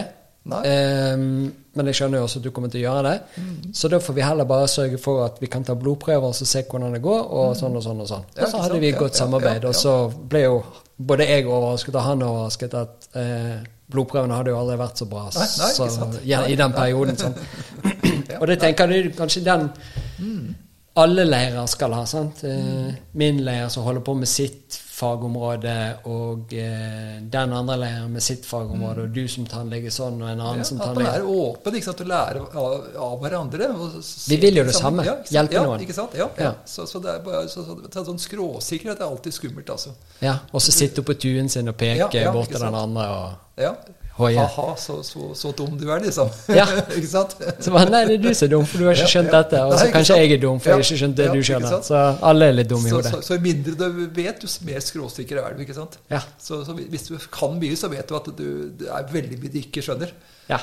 Men hvis du uh, er veldig skråsikker, så derfor så folk som er skråsikre, de, de liker jeg ikke å høre, høre på, for du vet at her, du vet for lite. ja, det er jo det. Finner den ydmykheten i Ja, at eh, vi ikke vet alt. Ja, det er Sokrates gamle. Det en- eneste jeg vet, er at jeg ikke vet noe, sa han. ikke sant? Ja. Han, han var vel den absolutt mest kunnskapsrike av alle sammen i hele Ja. øh, den greske kulturen. ikke sant? Men han var jo helt klart Ok, altså jeg vet så mye at jeg skjønner at det er innmari mye jeg ikke vet. Hva er gleden din med å være tannlege? Det ene er at du eh, styre dagen din sjøl. Det er veldig ja, kjekt. Ja. Nei, og, og, veldig morsomt at jeg får folk friske. Det syns jeg er veldig, veldig artig. altså. Ja. Veldig mange til folk som har lang historie. Vi kan ha 10-15 år sykehistorie. Og bare finner man en tann eller to som er et problem, og fjerner amagam eller kroner eller sånne ting, og så er folk friske. ikke sant? Det er veldig til, tilfredsstillende, syns jeg. Ja. Det, det er veldig, veldig morsomt. Hva er det vanligste eh, lidelser folk har der det hjelper å rote med rundt inn i tennene, som du sa? Nei, Det er jo folk som er kronisk syke, da, kan du si. Men jeg har Ja. også hatt at datigemisk nevralgi, ikke sant. Det er noen som har veldig, veldig trøbbel der og, og skal opereres. Hadde en pasient nå som, som hadde vært øh, voldsomme smerter i syv år, skulle inn og operere hjernen og greier. Og så bare fant vi en, to tenner, egentlig. Da. Først én og så en til, som var rotvilt og var litt uh, ganske ille. Så han fjernet dem. Og så har hun vært bra nå i ett år, liksom. Bare avlyst hele operasjonen og allting. Det var jo fått livet tilbake, på en måte. ikke sant? Det er også det. Ja. Eh, Fått morsomt å jobbe, da. Å si det. Og i hvert fall hvis det er Man kan gjøre i hvert fall noen små ting og Det er ikke en små ting, men det er kanskje noen enklere ting enn et stort inngrep i Ja, hjernen. Ja, og ja, begynne ja. der istedenfor å begynne med noe som man ikke kan reversere. Det, det, det som er, så Jeg begynner alltid med det enkleste, ikke sant? Og, og, og helst irreversible ting, da. Eller ikke, ikke Ja, ikke, ikke irreversible. At det er enkelt og reversibelt, slik at man kan gå tilbake igjen. ikke sant? Så, Ja. så det er det som er alltid eh, Å starte der, så det er veldig sjelden man trenger å gå videre, egentlig. Ja. For det, det, det, så, så, sånn på deg også, bare man fjerner det ikke sant, og lar kroppen ordne opp, så, så er det meste greit. altså. Ja. Og Man ser også veldig mange som har vært hos tannleger, og de er så opptatt av røntgenbilder. Hvis vi ikke ser det på røntgen, så fins det ikke. ikke sant? Ja. Men, men man hører ikke på pasientene si at 'nei, jeg har jo vondt der'. Nei, Ja. det er helt bra. ikke sant? Røntgenbildet er fint. Så du har ikke vondt der. Og det, det er også en sånn uh, ganske rar konstruksjon. Han ene læreren min som har gått i lære oss på kinesmedisin og Ja, ja, komfortting, eh, sa eh, du skal ikke stole for mye på røntgenbilder, nei, og av og til ikke på pasienten heller. nei. Men samle inn symptombildet og så finne ut av det. For av og til så blir vi så opphengt i det du ser på røntgen, at ikke du ser det andre. Og av og til så lyver pasienten. Ja, ikke sant? Ja? Det, det Eh, også. Ja, og ja, da blir du også villedet, sant? for du, du går i en retning som kanskje var feil. Ikke sant? Ja, ja. Nei, det, det har sånn. hjulpet meg en del ganger. Mm, det, ja. Og så er jo, i hvert fall Røntgenbildet er veldig skummelt. Når det gjelder tenner, så får man ikke fram alt. altså. Det er helt klart. Men selvfølgelig pasientene kan jo kanskje også noen ganger overdrive og gjøre ting sånn og sånn. Så jeg, så jeg har et par pasienter men jeg vet at det hun sier, er bare tull, men jeg bare jatter med, liksom. For Ja. det, det er greit. ja. Hva gjør ikke noe som er farlig, i hvert fall med henne. Nei, Nei, ikke sant? Nei. Ja. Og så syns jeg det er spennende, for du kan jo også se hvis noen har hatt eh, en ryggskade eller et eller annet, så går de inn, og så får de eller en overtrakt ankel. Så går de inn, og så blir det tatt bilde. Og så finner man funn, men så er det ingen som klarer å si skjedde dette nå, eller var dette for åtte år siden? Ja, og har dette noe med vondten din nå å gjøre, eller har det ingenting med det? Nei. Og hvis vi da er så opphengt i det, og ikke vet om det er en gammel ting eller en ny ting, så er det ikke sikkert at den informasjonen vi har fått, egentlig har en verdi. Nei, så, så da, da lar vi det bare opp til bære og ser an. Det er jo, tiden er veldig sånn fin diagnostisk sak. altså hvis, hvis man ikke vet helt, så bare venter man og ser. Enten blir det bedre, eller så blir det verre. Ja. ja. Hvis, hvis det ikke er en farlig betennelse eller sånt, da, selvfølgelig. Men, men eh, det er veldig klar så, så man eh, Jeg pratet med en spesialist som drev med dette, her, og sa at det var veldig fint at de hadde lang ventetid. For det var bare halvparten av pasientene som trengte å komme. Ja, sant. sant? Ja, ja, ja. Eh, er det anbefalt at vi kommer ofte til tannlege? Det er jo veldig individuelt da, hvor flink du er med renhold. Sånn. Vi har jo noen som har gått syv-åtte år, og det går helt greit. Mens andre må jo komme hver annen måned. ikke sant? Så det, det er jo kjempeforskjellig. Og det er vel vittig at du sa syv-åtte år, for det var jo så lenge det var fra den tannen min sprakk opp på nytt siden jeg har vært hos tannlegen før. Mm. Ja, så når jeg kom til tannlegen da, Ja. før den sprakk, så sa de 'Å ja, men når var du hos tannlegen sist?' Nei, det er åtte år siden. Ja, ikke sant? Det Og- kan gå helt greit, ja. Ja, men jeg skal ikke bli cocky, så Nei, jeg skal da, så- eh, komme innom av og til og sjekke. Ja, så det er jo særlig hvis man har, har eh, rett på det på tannsten, og det begynner å blø, sånt, så er det viktig at man tar en sjekk en gang iblant. Men det, det, det er veldig forskjellig hvilken bakterieflora man har. også. For tannstein, hva er det som lager det? Ja, det er rett og slett bakterier, det også, bare at det blir forkalket da, fra, Ok. med kalksfalte fra, fra spyttet. Ja.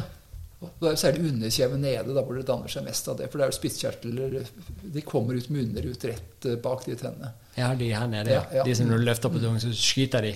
Ja, ja, ja ikke sant? Jeg husker på barneskolen, Ja, ja, skjøt de på hverandre med de. Sprut, ja. Ja, det freser de der typene der. Ja, ja, ja. Og så herlig. Men er det For det, det som jeg også liker med klinikken din, det var jo det jeg sa i sted, det er jo nesten som vi kan ha sånn dorulltelefon eh, og snakke med hverandre, for det er rett her nede. ja, ja, ikke sant? Eh, men det er også sånn lite og koselig og Ja, vi, vi har ikke noe sånn fancy, og vi eier lokalene her, så vi har ikke så mye ut, utgifter, så vi kan drive ganske enkelt. Da, og da, da Ja. holder vi relativt moderate priser og jobber ganske lite, og, og, og, og trenger ikke flå pasientene for at vi har så masse utgifter. Liksom. Nei. Og det, det, det er ganske viktig, syns jeg, at man har det veldig nøkternt sånn. Er det, er det masse Har du mye å gjøre? Ja, altså jeg kan jo jobbe hele tiden hvis jeg vil. Det er Ja. ikke noe problem. Så, Så folk, eh, det får jo, kommer jo folk fra hele landet, og vi har fått folk fra både Sverige og Island og diverse sånne ting også. Så. Ja. Men eh, så det, det finnes jo ingen andre tannleger sånn lenger, ikke sant? Altså det jo Det var jo noen flere før, men de er, eh, de er døde, stort sett. Og så, Ja. så, så kommer, kommer ingen nye. Det er kjedelig når, Ja, ja. eh, når dette det dør ut. Hele generasjonen. Det kommer ingen nye. Og det er, er veldig rart. Vi har prøvd liksom å kikke etter om det er noen som var interessert i å overta eller sånn, men det, det er liksom helt dødt, altså. Så Er det fordi folk ikke vet at det fins en annen måte? Det er nok det. Og så, så er det denne ensrettingen som er i, er i Norge nå i helsevesenet. Det har blitt mye mer så, i, i, da, Alle disse legene som tenker annerledes også. Det heller ikke, blir ikke flere av dem heller. De blir jo bare avskiltet, og, og de forsvinner. Og så kommer det ikke noe særlig flere. Så det er en sånn ensretning eh, som er litt skummel, altså. Eh, jeg syns det. Så det er egentlig litt rart, for man har jo mye mer tilgang til opplysninger og kunnskap nå enn før, men Ja. likevel så er det et eller annet sånn eh, Du har fått advarsel litt, jeg også. ikke sant? Hvis jeg gjør for mye sånne rare ting, så skal de komme og ta meg. ikke sant? Så jeg må jo være forsiktig. Så det er jo sånn at det er litt sånn klima der som, som er litt sånn strengt, da, og så er man redd for å gjøre det. Så er selvfølgelig andre ting du kan tjene mer på. Da. Det er så, hvis det er evinnelige pengene også, som er veldig viktig. Hvis man skal drive egen praksis, så koster det forferdelig mye. ikke sant? Og så Man må ha inntekter. Og hvis det er litt for lite pasienter i Oslo, da, så kan man fort liksom øh, foreslå veldig mye behandling som kanskje ikke er strengt nødvendig. Det blir Ja. fint, men likevel, det, man kan godt gjøre det enklere. ikke sant? Mm. Så det, det er alltid en sånn uh, avveining der. Og, så, så, så, så, sånn som vi, vi driver, så vi prøver å gjøre minst mulig. ikke sant? Og det er jo ikke noe sånn stor, stort forretnings... Eller veldig god forretningsidé, egentlig. Nei.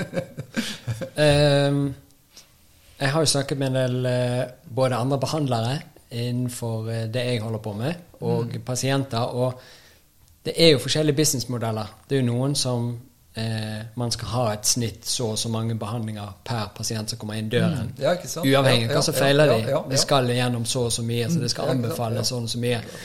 Det er, det er litt farlig. ja. Ja, det det kan jo være litt farlig, men, eh, men folk gjør jo og styrer Ja, på. Sant? ja. Jeg har jo en sånn greie med at eh, hvis ikke vi trenger å gå mer enn to ganger, så gjør vi det. Mm, Og så ja, ser vi litt Ja, an, og så ja, får vi heller ta det inn igjen hvis vi må justere mer eller et eller annet. Mm, men, Men jeg forstår jo kanskje også da hvorfor noen velger en annen retning, for det er jo en mye større eh, eh, hva skal vi si, trafikk, på en måte, fordi at du har mange som må gå i lengre perioder for å, å overlappe og, Mm, og fylle opp timelistene. Ja, ikke sant? Ja, ja. Nei, så det er veldig mange sånne innfallsvinkler. Da. Og så er det selvfølgelig en del folk som er veldig opptatt av det, av det estetiske nå. Hvis man har ganske god råd, så vil man jo gjøre ting kanskje bare at det skal se pent ut. ikke sant? At man kanskje ikke trenger det egentlig. Men, men eh, det er også sånn, da må man jo ofte gjøre inngrep i tennene som, som eh, man egentlig ikke hadde trengt. da. Så, Ja.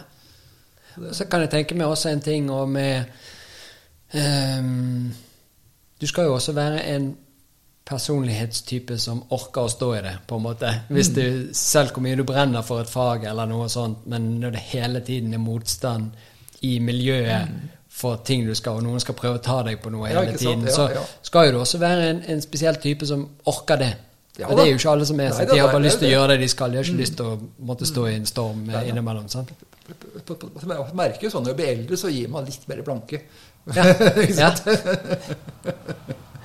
Man var mer, mer opp- oppsatt på det før. ikke sant? Men nå ser man, ok, nå har man lært seg også å spille reglene en del. og så, så ser man ok, altså om jeg skulle miste lisensen omtrent, altså, så, så har jeg masse annet å gjøre. så det... du har jo 40 bøker til du skal skrive. det, det, jeg har. Så slik at jeg, jeg nesten bare håper det. Ja. Oi, oi, oi. Er det um, Du sa du har gjort mye rart, men eh, hva er Bruker du f.eks.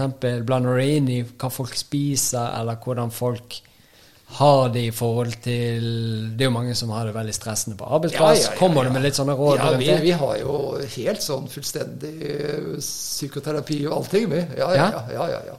Det er Ok, hvordan alt fra det? Arveoppgjør til, Ja, ja til, men det er jo så relasjoner, ikke sant, sånn sett. Ja, ja. Ja. Og, og, og kosthold og mineralvitaminer og sånne ting, og kosthold ellers. og. Masse forskjellig. altså. Vi har mange pasienter som kommer hit.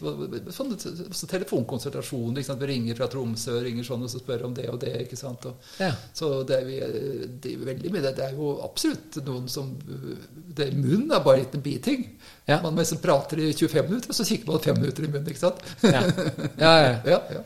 Nei, men Det er veldig viktig for mange, det. altså. Så, så de, de har jo ikke hvis de skal, ikke, ikke noen fastlege de kan prate med ikke sant, om kosthold og sånne ting. Om det er andre sånne, så, de, de, så, så spør de liksom om veldig mye forskjellig. da. ja. Så det så er det veldig artig, det.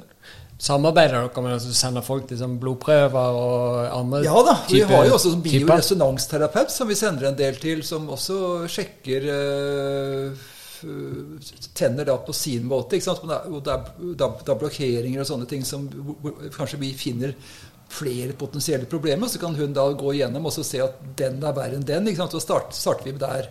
Ja. Så, så, så det, det gjør jeg ganske ofte. Så, for, for det er veldig følsomt, egentlig. Der vil man jo se fort om det er blokkeringer og, og, og også metaller og sånne ting som, som er da, da strømmessige forstyrrelser. Da. Er det da på en måte noe sånn testgreier som ser på en, en gjennomstrømning av noe? Ja, man, man, man ser jo både på frekvenser, så man, man kan da uh, finne ut hvilke bakterier du har. Alle bakterier har sin egen frekvens, og så, okay. så, så man kan da si at det er den og den typen bakterier du har. Og de, de ligger der og der og sånt. Og så kan man også da se hvis det er energiblokkering, at man ser at det, går gjennom den tannen. Fortannsområdet, det er jo nyre blæremedian, ikke sant? og så har du da lever på, på, på hjørnetenner og sånn. ikke sant? Hvis det er blokkeringer der, så, så kan man se at ok, øh, den er mye viktigere enn den. ikke sant? Hvis den er rotbilt der, så bare fjern den, og så kanskje da uh, man ikke trenger å gjøre det med, med de andre, at, at den er så mye verre enn en, en de andre. Ja. Så, så det er veldig fin sånn prioritering. Så da, da, da, da ser man liksom tennene fra kroppens side, på en måte. da. Ja. Det er eh, spennende. Ja, ja veldig, veldig artig det, altså. Ja. Når det iser i tennene, hva er det for noe? Det er jo ofte tannhalsene som blir litt nakne. At du, du, ofte tannbørsting som gjør at du presser tannkjøttet unna. Ok, Så da er det jevn dytting av tannkjøtt, og til slutt så bare holder det seg der oppe? Ja, og når du da kommer for, da- Emaljen går jo bare et uh, viss, uh, da til et visst punkt, og så, så kommer da tannrotene mer fram etter hvert. ikke sant? Og tannrotene er mye mer følsomme. Ja. Så når du da har liksom skubbet tannkjøttet såpass langt opp da, at du kommer opp på tann, tannroten, så får du mye mer følsomhet. Så det er bare at man børster forsiktig. Vi gjerne bruker elektrisk tannbørste, og så kan man bruke litt fluorskyldning. Eller så finnes det også tannkremer med som er sånn anti-isstoff, sånn arginin bl.a. Ok. Og det, der kan man få det ganske greit. altså. Så Man kan ofte kjenne hvis man er ute i kulda, kommer inn i varmen, ikke sant, og sånne ting, så kan man få litt ekstra Øke trykket i tennene, så blir det vondt. da. Men det Ja. bare litt sånn 0,2% fluorskylling kan være nok, rett og slett. ok. Spennende. Er det noen måte å få tannkjøttet til å komme ned igjen på? Nei. Det bare blir det? Det hjelper ikke å massere det eller Nei, tøye, bare, bare tøye hindre det? at det. at- Bare hindre at, at det blir verre, for å si det sånn. Ja, Stort sett ikke noe særlig der. Nei. greit. Men tenner og røtter og tennene i For de står jo oppi bein, oppi Ja, kjeven. Ja, ja, ja. Så sånn temperaturforskjeller og sånn, eh, endrer det Beveger det tennene eller utvider eller trekker sammen? Litt ja, det gjør det nok. Altså, Ja. har jo, er jo en sånn 100 millimeter tykk omtrent. ikke sant? Og, og, og, hvis du har på det varme og kulde sånn, så vil jo kanskje ting trekke seg litt sammen og utvide seg litt. Da, da, da kan du få litt mer bevegelighet i tennene, kanskje, og du får litt følelse og sånn. da. Men, eh, Ja. men det er jo sånn som er fysiologisk, som kroppen ordner selv veldig greit. Alt det med resonans og frekvenser og sånne ting er jo for mange litt sånn trillete å, å Mm. Ja, tenke ja, på. sant? Ja. Eh, men det er jo litt vittig, for av og til når vi har eh, La oss si et, et, et, en overtrakt ankel, Mm. og som er litt usikker på er det et brudd her eller ikke, og så bruke sånn stemmegaffel, Ja. og så holde ned på beinet og se hvordan eh, eh, økning av smerte på et spesifikt punkt eller ikke, og hvordan vibrasjonen gjennom beinet er, er jo bare også en diagnosemåte for å finne ut om det er skade på noe. ja, ikke sant? Ja, ja, ja. Og det er jo ikke så tryllete. Men det er jo eh, av, Igjen, av og til så kjøper vi en forklaring på noe, men vi klarer ikke å skjønne det på det andre, for det Jeg vet ikke. Nei, det her er jo selvfølgelig vanskelig. Man har jo ikke noen sånn fullstendig vitenskapelig forklaring på alt der, men, altså, men, men det, er, det, er, jo veldig godt dokumentert nå. Da. Hvis man hadde selvfølgelig satset på det med, med skikkelige forskningsmidler, så hadde man nok funnet ut mye mer der nå. Men eh, Ja. det, det kommer jo sånn sakte og rolig etter hvert. da. Ja. Og det, man har jo brukt blant annet, sånn Romfartsforskning har jo vært en del sånn pioner der hvor man skal ha folk sittende i en sånn romstasjon i, i månedsvis. Da har man begynt å finne sånne Russerne var jo veldig frampå med det ganske tidlig, på 70-, 80-tallet og sånt. da. Ja. Så de, de, de jobbet litt med de, de greiene der da. Og det, men nå er jo alt sånn russisk forskning har jo ikke kommet så mye til Vesten. ikke sant? Og, Ja, så, så, litt, eh, og, nå er det jo ikke noe så populært, i hvert fall. Nei, nå, ja, nå er det jo stopp der. Ja, det sant? Ja, ja, ja. Nei, nei, det, det er veldig spennende. Også, også Øst, Østblokken, ellers Bulgaria og sånt, nå, så har man jobbet mye med dette her. Så, Ja, okay. så det, det er en del forskning på det, og man kan godt uh, finne fram en del, tenker jeg. Hvis, hvis man var veldig interessert, så har man nok kommet enda mye lenger. Men det skjer ting sånn sakte og rolig. Ja. Det vi må finne, er jo en som kan gå i lære hos deg. En, eh, Ja, ikke sant? Ja. Ja, ja. Og bare er fortsette. Ja, Ja, for da kan jo du få litt mer fri fra Ja, det. det er det, ja. Og så kan vi putte inn Det driver og prøver å skrive på en sånn bokgreie etter hvert, som det skal bli en sånn tannhelsebibel. da. Vi får se. Ok. Så det driver og tusler med det. ja. Oh la la. Litt sånn, ja. Og vi kan jo bare si at hvis det er noen som hører på og har lyst til å bli tannlege, eller er tannlege og syns det er spennende denne veien, ta Mm. Ja. takk. Ja, ja, ikke sant? Og det er jo veldig, det er mye mer spennende enn å drive bare mekanisk verksted i bunn. Du, du driver jo med hele kroppen og får mye mer ut, ut av det. Det er mye, mye mer spennende. Så det er bare å Jeg tror jo jeg har, jeg har sagt dette på en eller annen episode tidligere, men det var en, For mange år siden så hadde jeg en pasient som ikke tålte Kunne ikke spise vaflene sine, tålte ikke masse forskjellige greier. Mm. Eh, og ble oppblåst og fikk rar eh, fordøyelse. Og så behandlet det, og så fikk vi det bra, men så gikk det tilbake en hel tid. Så jeg bare ble sånn Nei, Faen, det som skjer? Ja, ikke sant? Um, og så begynte det å gå mer spesifikt til bare Ok, men nå har vi skjønt at det er noen ganger det skjer, for vi har fått det så bra at det ikke er hele tiden. Men så skjer det noen ganger. Hva er det som skjer? Hva er det du spiser? Gikk gjennom alt det. Uh, og da viste det seg at uh, Jeg spurte er det noen på jobben din, for det var som oftest på jobben, eh, du ikke går godt overens med. Og så sa hun at ja, sjefen og meg eh, går ikke så bra. Nei, nei. Så jeg bare ok, når du går på lunsjrommet og sjefen er der, så bare går du inn igjen på kontoret, og så spiser du der. Og så forsvant eh, alle fordøyelsesproblemene, Ja, ja, ja, og hun kunne begynne å spise vafler og alt mulig greier. Og da viser du bare på hvor mange ting som påvirker noe, og av og til så må vi se litt utenfor for, for å se. For det, at når hun da var i samme rom med sjef, så var hun i stress og i fight flight. Og da er jo ikke nervesystemet eh, stilt inn på at du skal fordøye noe eller noe som helst. Du er jo egentlig bare prøver å komme deg unna. Sånn. Og jeg bare jeg tror det, og man har jo begynt å se det på en del av, av kreftbehandling også, at det, det er viktig å ikke ha folk i, i frykt eller angst. For det at eh, da skiller kroppen ut mer sukker, og så har du eh, mer næring til eh, veldig mange av krefttypene i hvert fall. Ja, ja. Så det er viktig å holde en, en positiv greie og holde eh, den vibben oppe. Og jeg bare tenker, Det er jo så mye det påvirker. Og, og litt som du sier, at når du sitter i tannlegestolen, så er kanskje fem minutter av det du gjør, er, sant? er det Ja, ja. resten er det alt du sier. sant? Det er det jeg også opplever mye på klinikken. Av og til er det jo egentlig ikke behandlingen jeg gjorde, som egentlig gjorde så veldig mye, men det er det vi snakket om. Å, å endre på en, en tanke eller endre på Mm. en oppfatning av noe, eller å se ting fra en annen side, eller skjønne hva som egentlig påvirker oss. Ja, ja. Det er ekstremt viktig, det, altså. Så også, som, som behandler, hvis- man også ser at, at ting ikke virker som man regner med at det skal, skal virke, og så virker det ikke, da er det enten sånne ting, eller så kan det være noe rett og slett konkret i munnen. ikke sant? At det er en tann eller et eller annet sånt. Og så Ja. At man da spør pasienten om har du hatt noen tannhistorie, ikke sant? har du problemer der? sånn sett, og så Hvis man da kan si at å ja, på sånn og sånn så fikk jeg rotbyrt det, og da begynte det og det. ikke sant? Og Det er veldig sånn interessant. da. Ja. Og det, og det bør jo gjelde alle, alle behandlere, egentlig. ikke sant? Ja. Ik- Ikke, ikke minst leger også, men sånn som deg også. ikke sant? At man da hele tiden har, har det bak der. Hvis det, dette her skal virke, ikke sant? og så virker det ikke, da er det noe annet. Man da- noe vi ikke ser, eller ja, et eller ja, annet. ikke sant? Ja. Som Man har det psykiske greiene, men så har man også munnen, som er en sånn veldig viktig faktor. Disse tyske og sveitsiske klinikkene, der er det alltid gjennom tannlegen først. Ja. Rydde rydde opp der før vi helt rett begynner å behandle deg. Og det, det er ganske viktig eh, for folk som er syke og sånne ting. Så er det veldig viktig å tenke at eh, ok, kanskje vi har noe her som, som er øde- ødeleggende. Ja. Noe som jeg har hørt gjentatte ganger, er jo mye med sånn hjerteproblemer og betennelse i tenner. Er Mm, Ja. det noe vanlig? Ja, man, man, har jo ganske mye undersøkelser nå. For nå, nå, kan man jo følge akkurat de bakteriestammene fra munnen, og så kan man følge det rundt i kroppen. da.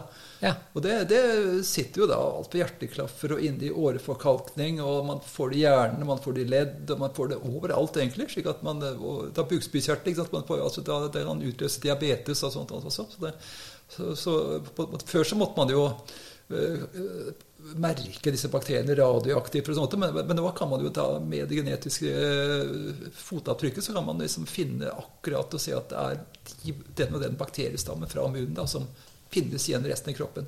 Ja. Eh, Akkurat en sånn undersøkelse jeg så nå forrige uke, hvor man da fant det igjen i, i, i plakket i, i, i broårene. da. Ja. Inn, inn, inni åreforkalkningen lå disse tann, tannbakteriene. Så da er det bakterier som har vært et sted, som har begynt å vandre til andre steder? Ja, så det, det, det, altså det er- særlig, særlig bakterier fra, fra tannkjøttet og fra der de har sånn periodontitt, hvor man har tannløsning, hvor det er ganske alvorlig betennelse rundt tennene. og De går rundt i kroppen, og de, de finner man da igjen overalt, og de gir sykdom som bare det. Og, øh, det er mye helt klar forskning på som, som sier det. Ja. Så, så det å ha rent, ha det godt og fint og rent i munnen, ikke, sant? ikke betennelse der, ikke rotvillinger, ikke tannkjøttbetennelse, det er veldig god helseforsikring. Wow. Greit. Da skal vi skal jeg begynne å bruke tann, tror jeg. det er herlig. Hvordan er det med bitt, egentlig? Jo da, det kan også være ganske avgjørende. Det er jo ikke så ille som, som andre ting, men, men eh, noe er jo utviklingsmessig. at man, Noen har jo veldig rart bitt, at det, kjeven har vokst feil. ikke sant, og sånt, men, men så ofte, hvis man også eh, skal prøve å gjenopprette nytt bidd, regulere veldig mye, så kan man faktisk skape mer problemer eh, for muskulatur og kjevebalanse enn eh, enn hvis man ikke gjør det. Da. Men det, Ja. så det, det er jo alltid, man har jo også der sett tendens til at man gjør litt for mye. Man flytter mye på tennene. Da øker sjansen for at tennene dør og det blir kortere røtter og sånne ting. Så kan man også få, få bittproblemer. At man da, kroppen har en balanse den egentlig har, selv om den ikke er ideelt, så har den innrettet en viss, viss balanse. Så skal vi begynne å overprøve naturen, kan vi si, og få det penere og sånn og sånn. Men så viser det at det vil ikke kroppen ha det sånn.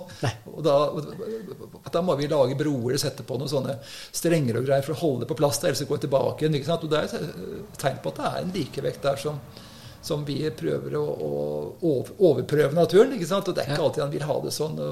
Så Hvis det er bare sånne småjusteringer, er det fint nok. Men hvis det er ganske store ting, så kan man få uh, framprovosere da eh, smerte i muskulatur og hodepine og nakkeproblemer og sånne ting av det også. Ja. Så, så, så det er veldig viktig å balansere bittet. Det, det, det går jo inn på hele, hele skjelettet, egentlig. Eh, Stav til balansen i bekkenet og, og ryggen og opp til atlas axis, altså disse, disse helt øverste bilbrennene. At, at, at hvis det er skjevbalanser der, så kan det gi ganske mye trøbbel. ja. Det er et ganske vanskelig felt, egentlig. For, for det er jo også han, han i Bergen, han tannlege Barman, han, han er spesialist på de greiene der. Ja, ok. Så, så han, ja. han har litt uh, spesiell vinkling. Og, og hvis man har noe problem med det, så er han veldig fin å konsultere. ja, nice. Mm. Men Har han begynt å bli gammel òg? Han er ikke så gammel som meg, men ja. Nei, ok, så han holder ut Han eh, holder, holder, holder litt til. Ja. Herlig. Men eh, du nevnte for, eh, for litt siden at eh, du var på og holdt noen foredrag på en eller annen eh, greie. Ja, ja, det var jo det på Tusberg medisinske fagskole, er vel det heter. eh, Ja, i Tønsberg. Ja, Tønsberg, ja. Mm, mm. Hva var det for noe? Nei, det var jo om dette her, da. Om tenner, hvordan det eh, henger sammen med resten av kroppen. Og, Ja. og hvor mye for, for behandlere også, hvordan det er da hvis man har eh, da betennelse og tull i munnen, at man da må være obs på det, slik at man uh, ser at her er det kanskje en, en blokkering for, for behandlingsresultatet. ikke sant? Og at man og så dette her med tannmaterialer, amalgam, gull, plastmaterialer, hvordan det kan påvirke, og eh, da hvordan betennelser ikke sant, påvirker. Så det er at man frigjør munnen fra alle belastninger, kan du si, som er saken. Men det, det er tydeligvis veldig lite kunnskap om det, egentlig. slik at eh, folk blir litt ov- overrasket over at det bare kunne bety så mye. Ja. Det, det er alltid morsomt. Jo, det er jo det. Og Ja, da ja, ja. kanskje at man får en sånn voldsom oppvåkning òg, det ja, ikke sant? eh, Ja. Oh, shit, kan Oi, du gjøre det? Det kan være det, liksom. Ja. ja. Ja. Mm. Eh, men var det kasustikker og sånne ting du går gjennom Ja, for, ja, for å jo vise til det? Noen Eller? pasienter også, ikke sant. Ja, ja. Ja. Blant annet sånn, sånn, sånn som deg, da, hvor du, du er liksom Jeg er bare ikke invitert. Nei, det var ikke det. Når du skal på turné og snakke om dette, og du trenger en ja, fyr som kan du, sitte du er jo ideell der, vet du. Ja, ja. For nå har jo vi For nå skulle jo Når vi tok ut tann, sånn, så må jo det kjeven gro igjen. Ja, ikke sant? Så nå er det vel bare to måneder igjen før det er nede. mm, ja, så et halvt års tid omtrent. Da, da er det ganske greit grodd. Ja.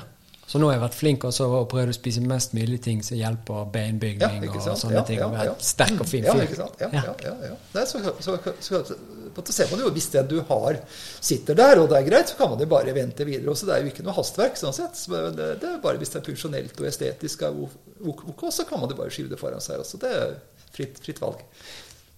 Du nevnte en eller annen gang, jeg lurer på om det var første gang eller andre gang jeg traff deg, et eller annet om det har vært noen forsøk eller forskning og dyrking av en musetann?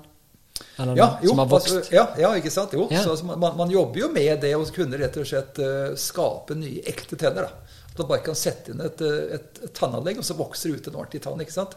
Det har vært gjort, hvert fall, det har fungert ganske bra på rotter og mus, men de har jo sånne tenner som vokser hele tiden. Ja, man selvfølgelig, ja. så man må da genetisk designe slik at du stopper, da. Og at man Ja. ikke, ikke må slipe dem en gang i uka. Må klippe, klippe tann? Ja, ja, ja. Men, Det er spennende, da. Men, det, det kommer, altså. og Det er klart at det er jo kjempebusiness. eh, Så det, der er nok forskningsressurser ute ut og går. Så, det jo bli en veldig naturlig måte å erstatte tenner på, istedenfor å skru ned disse Særlig titanskruene er jo veldig gufne i kjeven. Ja. Så nå begynner det å komme andre materialer der, men likevel så er jo det en ganske drastisk sak. som ikke, Den er ikke reversibel. ikke sant? Altså, du skrur inn, og du, skal du ha det ut, så må du frese ut stor del av kjeven. Så, ja, og press på nær, ned på røtter for tærne ved siden av. ja, det, er, det det krever ganske mye plass også, ikke sant. Ja, ja. Ja. Så, så det er jo klart at kan man eh, bare kanskje bore et lite hull og så sette inn en sånn litt med sprøyte, bare litt tannanlegg, og så vokser det ut en tann etter et halvt et, et år. Ja, ikke sant. Ja, Ja. ja. ja, Nei da, så det, det er eh, Man jobber med det, altså. Det er jo litt vittig, for det, eh, når jeg har hørt på noen lesende historier om noen som har fått eh, nytt organ, f.eks., eksempel, og så er de plutselig eh, begynt å endre oppførsel, og det viser seg at de har fått litt interesser som den de donerte fra når de har gått Ja, tilbake. ja, ja. Blant annet som hjertetransporterte som hadde plutselig begynt å spise hamburgere. Aldri spist en hamburger, ikke sant? Nei, ja. Og jeg tror det var en som fikk jo- en lever som plutselig ble dødsinteressert i motorsykler. Ja, og da har han ja. fått leveren fra en tidligere sånn Ja, biker-fyr. ikke sant? Og det, det er ganske morsomt. Det har jo med disse, disse, frekvensene igjen å gjøre. da. Ja. At, at, at hver celle hvert, organ har sin egen, egen frekvens, og det da smitter over påvirker frekvensen i resten av kroppen også, slik at man, man endrer liksom hele, hele kroppsfrekvensen og hele personlighet. Da, Da er jo vittig hvis du da får en sånn musetann. Ja. Kjempeglad i ost, Ja, ja. livredd for katter. Alt blir bare styr. Men men vil, vil nok bruke mennesketanner, tenker jeg. Ja. Jeg tror det. Ja, Ville vært litt liten også. Å, det er vittig. Men det blir jo spennende fremover, for det virker jo som vi finner ut litt mer av de tingene hele tiden som Mm. eh, vi som samfunn og i fagmiljøer syns var rart og lo og pekte på. Ja, og så ja, dukka jo det opp hele tiden naturen sin måte å gjøre det på. vil, eh, altså Det kommer jo litt, eh, litt fram til slutt. Fornuften har jo en sånn viss sånn, eh, sånn, så- sånn framgangsdrift. Da, kan du si. Den, den vinner fram. Selv om det er sakte, så, så, så vil jo folk skjønne det. Og nå er det veldig lett å komme til kunnskap nå i forhold. Så folk mm. vet jo mye mer, egentlig. Så, så, så, så det vil jo være en sånn god trend, tror jeg, tross alt underliggende. Da, selv om det er veldig mye rart. Så, så er det litt, blir litt større forståelse etter hvert. Jeg lærte um, Jeg begynte å lære om urter i, i uh, kinesisk sportsmedisin, som Ja, gammel ja. sånn krigsmedisin. Så var det jo dette du hadde urter som f.eks. tok ned en betennelse og hjalp for heling av senevev og sånne ting. Så det gikk an å forstå, for det var noen stoffer som tok ned betennelse. Den kjøper vi. sant? Og det var jo litt sånn Man skal jo være litt skeptisk, eh, men åpen til ting. Ja, ikke sant? Ja, ja. Men så var det, det var de urtene som gjorde det. Sant? Så det forsto du på sånn globalt i eh, i hele kroppen. Men så var det også styreurter. Så hvis du f.eks. hadde en skulderskade, så tok du betennelsesdempende urter med en styreurt som styrte urten til skulderen. Ja, ikke? Ja. Og da tenkte jeg litt sånn Kom igjen. Eh, den kjøper jeg ikke helt. Nei, nei, men, ikke sant? men jeg har lært. Eh, bare gjør det som jeg har fått beskjed om, og så viser det at det gir noen resultater. Så så jeg en forskning for to år siden eller noe sånt. Og der viser det seg at vi har forskjellige typer reseptorer for forskjellige ting i forskjellige deler av kroppen. Ja. Mm. Og vi gikk gjennom dette ikke i forhold til kinesisk medisin, men andre ting. og det bare viser hvordan noen ting kan gå bare til ett sted spesifikt, for det er flere reseptorer av den. Ja, og plutselig så ga jo hele denne styreurten mening. Jeg blir så glad, da. Ja, det det er ting man ikke skjønner. Man skal ikke avvise det. ikke sant? At dette Nei. er bare noe vi ikke vet. Nei, nei, nei, sluttet Ja, ikke å gjøre det. Ja, det, ja, er bare, ja, det er et eller annet jeg ikke forstår her, men det, vi får jo et resultat. Ja, i hvert fall hvis det er sånn som er utprøvd eh, i tradisjonen gjennom massevis av år. ikke sant? Så må man jo ta det ganske alvorlig. For det, det, kan godt tenkes at det er noe i det, selv om vi ikke skjønner nå hvordan det er. Veldig. Mm. Og det er jo ikke veldig veldig lenge siden vi skjønte at det var en, eh, et lymfesystem som gikk til hodet. For det hadde ikke vi før. Nei, nei.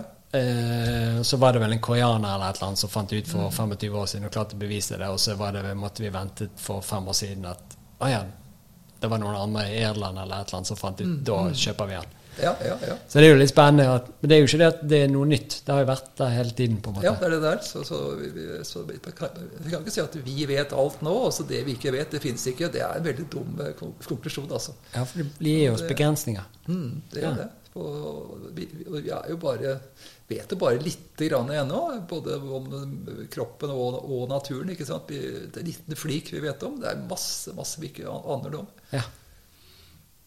ja bare ja, det ene er jo kroppen, med så lite vi egentlig vet om sjøen. Ja, altså hele, hele, hele naturen, altså hvordan disse insektlivet, hvordan ting funker der. altså det, det er jo helt utrolig. Men man, det, man kan, det var jo sånn insekt eh, som la egg inni hjernen, fant forskjellige hjernedeler for å lamme et annet insekt som bare, bare ble zombie, og så bare tauet det inn i et gjemmested, og så la egget sitt der. ikke sant? Altså bare, bare, så at man, da kan føle seg fram med en snabel inni hjernen på et annet insekt, og så legge en sånn slags nervegift der, da. ikke sant? Hvor det er fantastisk sånne ting skjer rundt oss hele tiden. Så vi aner jo ikke noe om det. Nei. Men da begynner man å avdekke noe sånt, noen sånne små ting her. ikke sant? Det er jo et sånt system som vi aldri kan tenke oss fins, altså. Det, det er helt utrolig. Og vi vet bare litt, bitte litt. Det er veldig, veldig lite. Ja, ja. Og det var en eller annen sånn der eh, eh, Hva heter det? En sånn som bor inni deg og snylter på ting. Eh, ja, en sånn liten dings. Parasitt. Parasitt. Ja, ja. Som ville til katt. Men for å komme til katt, så gikk han inn i mus og begynte å endre atferden til mus, sånn at han blir fortere tatt av Ja, katt. Ja, og så Ja, bodde han inni katten og hadde det kjempegøy. Ja, det er, det er fantastisk, vet du. Og det er jo sikkert ikke bare den. Det er jo sikkert flere av de typene det der. Og det kan jo være at nå er en liten sånn parasitt som sitter og egentlig gjør det jeg holder på med nå. Mm, ja, ikke sant? At jeg egentlig ville holde på med noe helt annet. Du har en, det en eller annen sitter i tarmen, som da drar på, på, på, påvirker hjernen der, ja. ja ikke sant? Uff, Nei, ja. det, det er eh, spennende. Vi, vi er litt un, underlagt sånn overmakt der. Ja, vi er det. Ja, ja. Da er det jo også spennende på Hva tenker du? Dette kan jo være litt sånn personlige spørsmål, men hva skjer når vi dør? Forsvinner vi bare, eller går vi til videre brett, eller er det bare noen nye molekyler som blir om til noe annet? Ja, eller? jeg, har vel følelsen at vi rett og slett bare resirkuleres. Jeg syns det er en veldig grei tanke. Ja, litt som Ja. en, Det eh, en et dyr som dør i skogen, og så blir det bare Ja. absorbert av Ja. et eller annet, og så dukker det opp et tre. Ja, ikke sant? Jeg syns det er en behagelig tanke. At Ja, fint, det. At man da skal ha noe evig liv og leve et eller annet sted, det har ikke noe Det blir, må bli veldig fullt der. Jeg, skjønner, jeg har ikke skjønt helt den tanken. Nei, sant? og jeg har ikke, ing- ingen sånn ønske om å leve sammen med veldig mye sånne ting. Jeg føler at det er en sånn ganske jordnær del av naturen, og så bare resirkuleres. Ja. Det syns jeg er veldig sympatisk. Ja. Jeg leste et eller annet sted at eh, etter var det første verdenskrig, de her voldsomme skyttergravsgreiene som de Mm. hadde i Frankrike Ja. um, Og det er et sånn kjent vinområde. Og der Ja. er det så mye næring i jorden pga. alle som Ja, har dødd der, at det, er de der eh, druene der er helt ville. ja. Ja, så da drikker jo man egentlig døde folk. Eh, i vin. så jeg husker heldigvis ikke hva vinet var, så nå kan folk gå og lure hele tiden. Drikker jeg en fyr nå? Ja, ja, ja. Så det er jo litt sånn circle of life, kanskje. Ja, tanke. Ja, At, liksom- at, at, at menneskene skal være hevet over, over naturen. At vi er så mye viktige. Der, da, da kommer den tankegangen der igjen. At vi, Ja. vi er jo en del av hele spillet. Ja. Hvorfor skal ikke vi resirkuleres også, liksom? Istedenfor at vi skal ligge i en sånn plastpose et eller annet sted, eller noe så Ja. rart. Man hadde jo faktisk hvor man la folk i kister og så i plastposer, ikke sant? Sånn at det ble noe helt, Man fikk jo ikke er nedbrytning i noen ting. Det ble jo helt spredt. Vi skal ikke gi tilbake igjen. Nei, nei, ikke sant? Vi skal, vi skal, øh, det, det, det er en ganske rar tanke. Så vi må bare på det fortest mulig. Er jo så økologiske begravelser etter hvert også, hvor man da blir frysetørret, eller man, man blir iallfall resirkulert på en enklere måte. Da. Så jeg syns det er en sympatisk tanke. Jeg har ikke noe Ja. sånt man skal ligge der og minnes alltid. Det er bedre å, å ha- gjort noe som folk minner deg for, ikke sant? i stedet for å ha en sånn Ja. stein et eller annet sted. Eller en sånt. Jeg føler, føler at det kan bare te- på meg å bli spredd ut et eller annet sted. Også. Ja, For det er vel og begrenset også hvor mange generasjoner etter deg som gidder å gå og se på deg hvis Ja, du ligger i den der posen. Liksom. ja, det der, han, Ja. ja, Jeg vet ikke hvem det er. Jeg orker ikke se på han lenger. Jeg har andre ting å se på. De har jo bare en begrenset levetid, vil jeg tro. er det har, ja. ja. Så, så nei, jeg syns jeg er veldig ganske nøktern der. Ja. En venn av meg fortalte det hvis du tok hele jordens eh, levetid som har vært, Mm. og gjorde det om til et tau, så var det like langt som en, eh, en fotballbane. Mm. Og da var eh, menneskets tid på jorden to millimeter eller noe sånt på tuppen der. Litt, litt av en en ikke sant? Og det syns jeg også sånn Sånn fin par-tre hundre tusen år. Ja, ja. Ja, og det syns jeg er sånn fin bilde også på hvor utrolig ubetydelig det vi holder på med akkurat nå, Ja, egentlig er. Ja, det er det der. Vi er Og så tror vi at vi er så sykt viktig. Men så ja. Moder Jord er jo sikkert bare sånn Ok, nå har dere rotet alt til. Ja. Det er dere som dør ut. Jeg fortsetter å holde på med det jeg Så vi får det mye bedre nå når det- dere er borte. Ja. det er klart. Bare børster det av Ja, skulderen ikke sant? ditt. Æsj, ja. ja. Uff. Ja. Det var noen hundre tusen år, men ok, det, det er bare på 13,5 milliarder. Jeg har hatt litt utslett en periode. Ja, sant? Ja. Ja. ja, det er herlig. Uh, er det noe du eh, har lyst til å fortelle mer om? Jeg føler at vi kan sitte her i timevis, for dette det- var så gøy. Vi har jo vært innom det meste, kanskje. Ja. Hvis folk har, ha lyst til å finne mer ut av deg, eh, har du et sånt sted der du har samlet eh, verkene dine og, aktivitetene? Jeg er ikke så veldig flink på det. Altså, jeg har noen sånn eh, websider og sånne ting, men jeg skal ikke påstå at det er oppdatert. Nei? Men er det sånn vi kan legge den ut, sånn at folk kan gå og kikke litt? Og, ja, det er palhermansen.com, ikke sant? Veldig Ja. enkelt. Men den er nok ikke oppdatert på et par-tre år. Vel, så er det bare å søke på Google. Det kommer jo opp eh, bøtter og spann og treff der. ja. Internasjonalt og mye forskjellig. Så ja, ja. Nå kommer det til å være en sånn kø utenfor eh, tannklinikken, og folk skal ha signert bøker Ja, og bli helt ville. Og, hei, og. Det jeg gleder meg til, er å titte inn i den frøboken din. Ja, ikke sant? Ja, Ja. ja. For det obvious var jo den Vestlandsboken. Da ble jeg bare så begeistret. Mm. Ja, Og så er det frøboken. ja den er ganske spennende. Ja. Ja. Men fugletitting, er det sånn at du merker de og sånn, eller bare sånn Oi, der så en fugl, og så Nei, altså, jeg tar jo tar bilder av dem, men, men det skal man jo ta bilder av fuglene som vesener, da. Som uh, sjeler. Som, du, som det blir spennende bilder. Ja. Ik ikke, ikke bare sånne knips-knips. av en Sånn, sånn ser, ser det ut litt som det skal være personligheter og Ja, at du ser at de er Ja, midt oppi et eller annet. Ja, også, altså, deler av uh, Liten del av landskapet, da. ikke sant? Også mye sånn landskapsbilder hvor du har en liten fugl. Så, er det sånn. Det er veldig spennende. Så, Ja. Du er du er så skyhøyt nivå på sånn vanlig fuglefoto, så men jeg greier du å vinne noe som premie etter hvert. da, sånn, disse store internasjonale konkurransene. og det, det er jo som at man prøver å gjøre litt andre vrier enn det man har sett før. hele tiden. Det er det samme jeg driver med hele tiden, at man vil liksom ikke gjenta seg selv. Jeg prøver å finne ut nytt, og både bildemessig og i tannlegebransjen og sånne ting. At man utforsker ting litt. Grann. Ja. Ikke stagnere. Nei, ikke sant? Nei. Så det er ikke, ikke noe sånn gå æresrunde hele tiden. Det er ikke noe vits i. Nei. Han må hele tiden Move along. gå videre. Ja, ja. og så får man dårligere og dårligere tid. Jo eldre man blir, jo dårligere tid får man. Så man jobber fortere og fortere og mer og mer. Og hvorfor får vi dårligere tid? Går tiden fortere? Ja, men det, det gjør jo det også. Så ser man at okay, det, det, det, vil jo være en annen slutt et eller annet sted. Så du har jo færre år igjen. Så du må jo, hvis vi skal rekke over det, så må du jo skru opp tempoet litt, da. Ja. Helsike. Men du har jo rukket veldig mye, Ja da. virker det som. så Det er ikke så aller verst. Men, eh, Nei. nei. Men eh, det er jo ikke, ikke fullendt. Du har jo veldig fine tenner. Fin på hår og alt mulig. Men hva, det du, hva spiser du i løpet av en dag? Hva som gjør at du er så frisk og fin? Du gjør gøye ting. Du gjør ting du er glad i. Ja, jeg tror det er veldig veldig viktig, det. ikke sant? Ja, det tror jeg også. Ja, ja. Ja. Så er det jo at man, man eh, aldri røyket, eh, drikker aldri alkohol, eh, nesten ikke kaffe, ikke sukker, ikke gjær, ikke melk, ikke fisk. Har jo heller også kuttet ut det ganske mye nå. Gluten, ikke sant. At man spiser jo det man trives godt med, ikke sant. Og drikker, hvis det er noe skeirus, så er det kombucha. Ja, da er det fest. Ja, ikke sant? Ja, ja, ja. Eller det kan, være en lite fingerbønn med akevitt. Det er urtemedisin. Det er jo det. Sånn til, ja, ikke sant? Det, det er greit. Ja, ja, ja.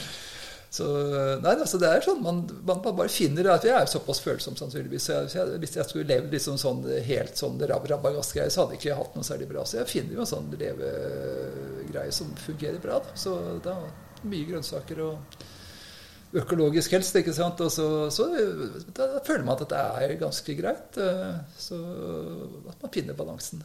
ja. Så deilig. Og sover godt om natten. Ja, det er litt både òg, men, men eh, Ja. det Er det fordi du har så mye ideer Det er oppi fort Det hvis man våkner, og så begynner man å kverne på et eller annet. ikke sant? Ja. Du skal skrevet den artikkelen der, du skal gjort sånn og sånn. Og sånn. ja, så bare, Det var en god idé, liksom. Ja. oh, er du flink å systematisere ting og få ting gjort, eller har du bare Jeg jobber med masse ting parallelt. da, liksom, Jeg prøver altså å avslutte noe uh, her og der, liksom noe ting til vi er ferdig. da, Men sånn systematikk er ikke egentlig litt sånn kreativt kaos. Det, det. Det er litt deilig, ja. Vet du hva, jeg er så veldig takknemlig for at du ville komme på besøk, og at jeg fikk eh, vite enda mer om deg. Ja, ja, vi er kjenner jo ikke hverandre, vi har truffet hverandre to timer i tannlegestol. Ja. Eh, så at du kom, er jo helt fantastisk. det var jo veldig, veldig kort vei, da. Ja, og da er du hjertelig velkommen tilbake hvis du vil. Mm, ja. Uansett om vi skal snakke inn i mikrofonen eller ikke. Eller jeg kan komme ned til deg. ja, ikke sant? Jeg kommer sikkert til å skal få signert bøkene. Ja, Det er fint. Nydelig. Tusen takk. Mm, Takk skal du ha. Jo, flott.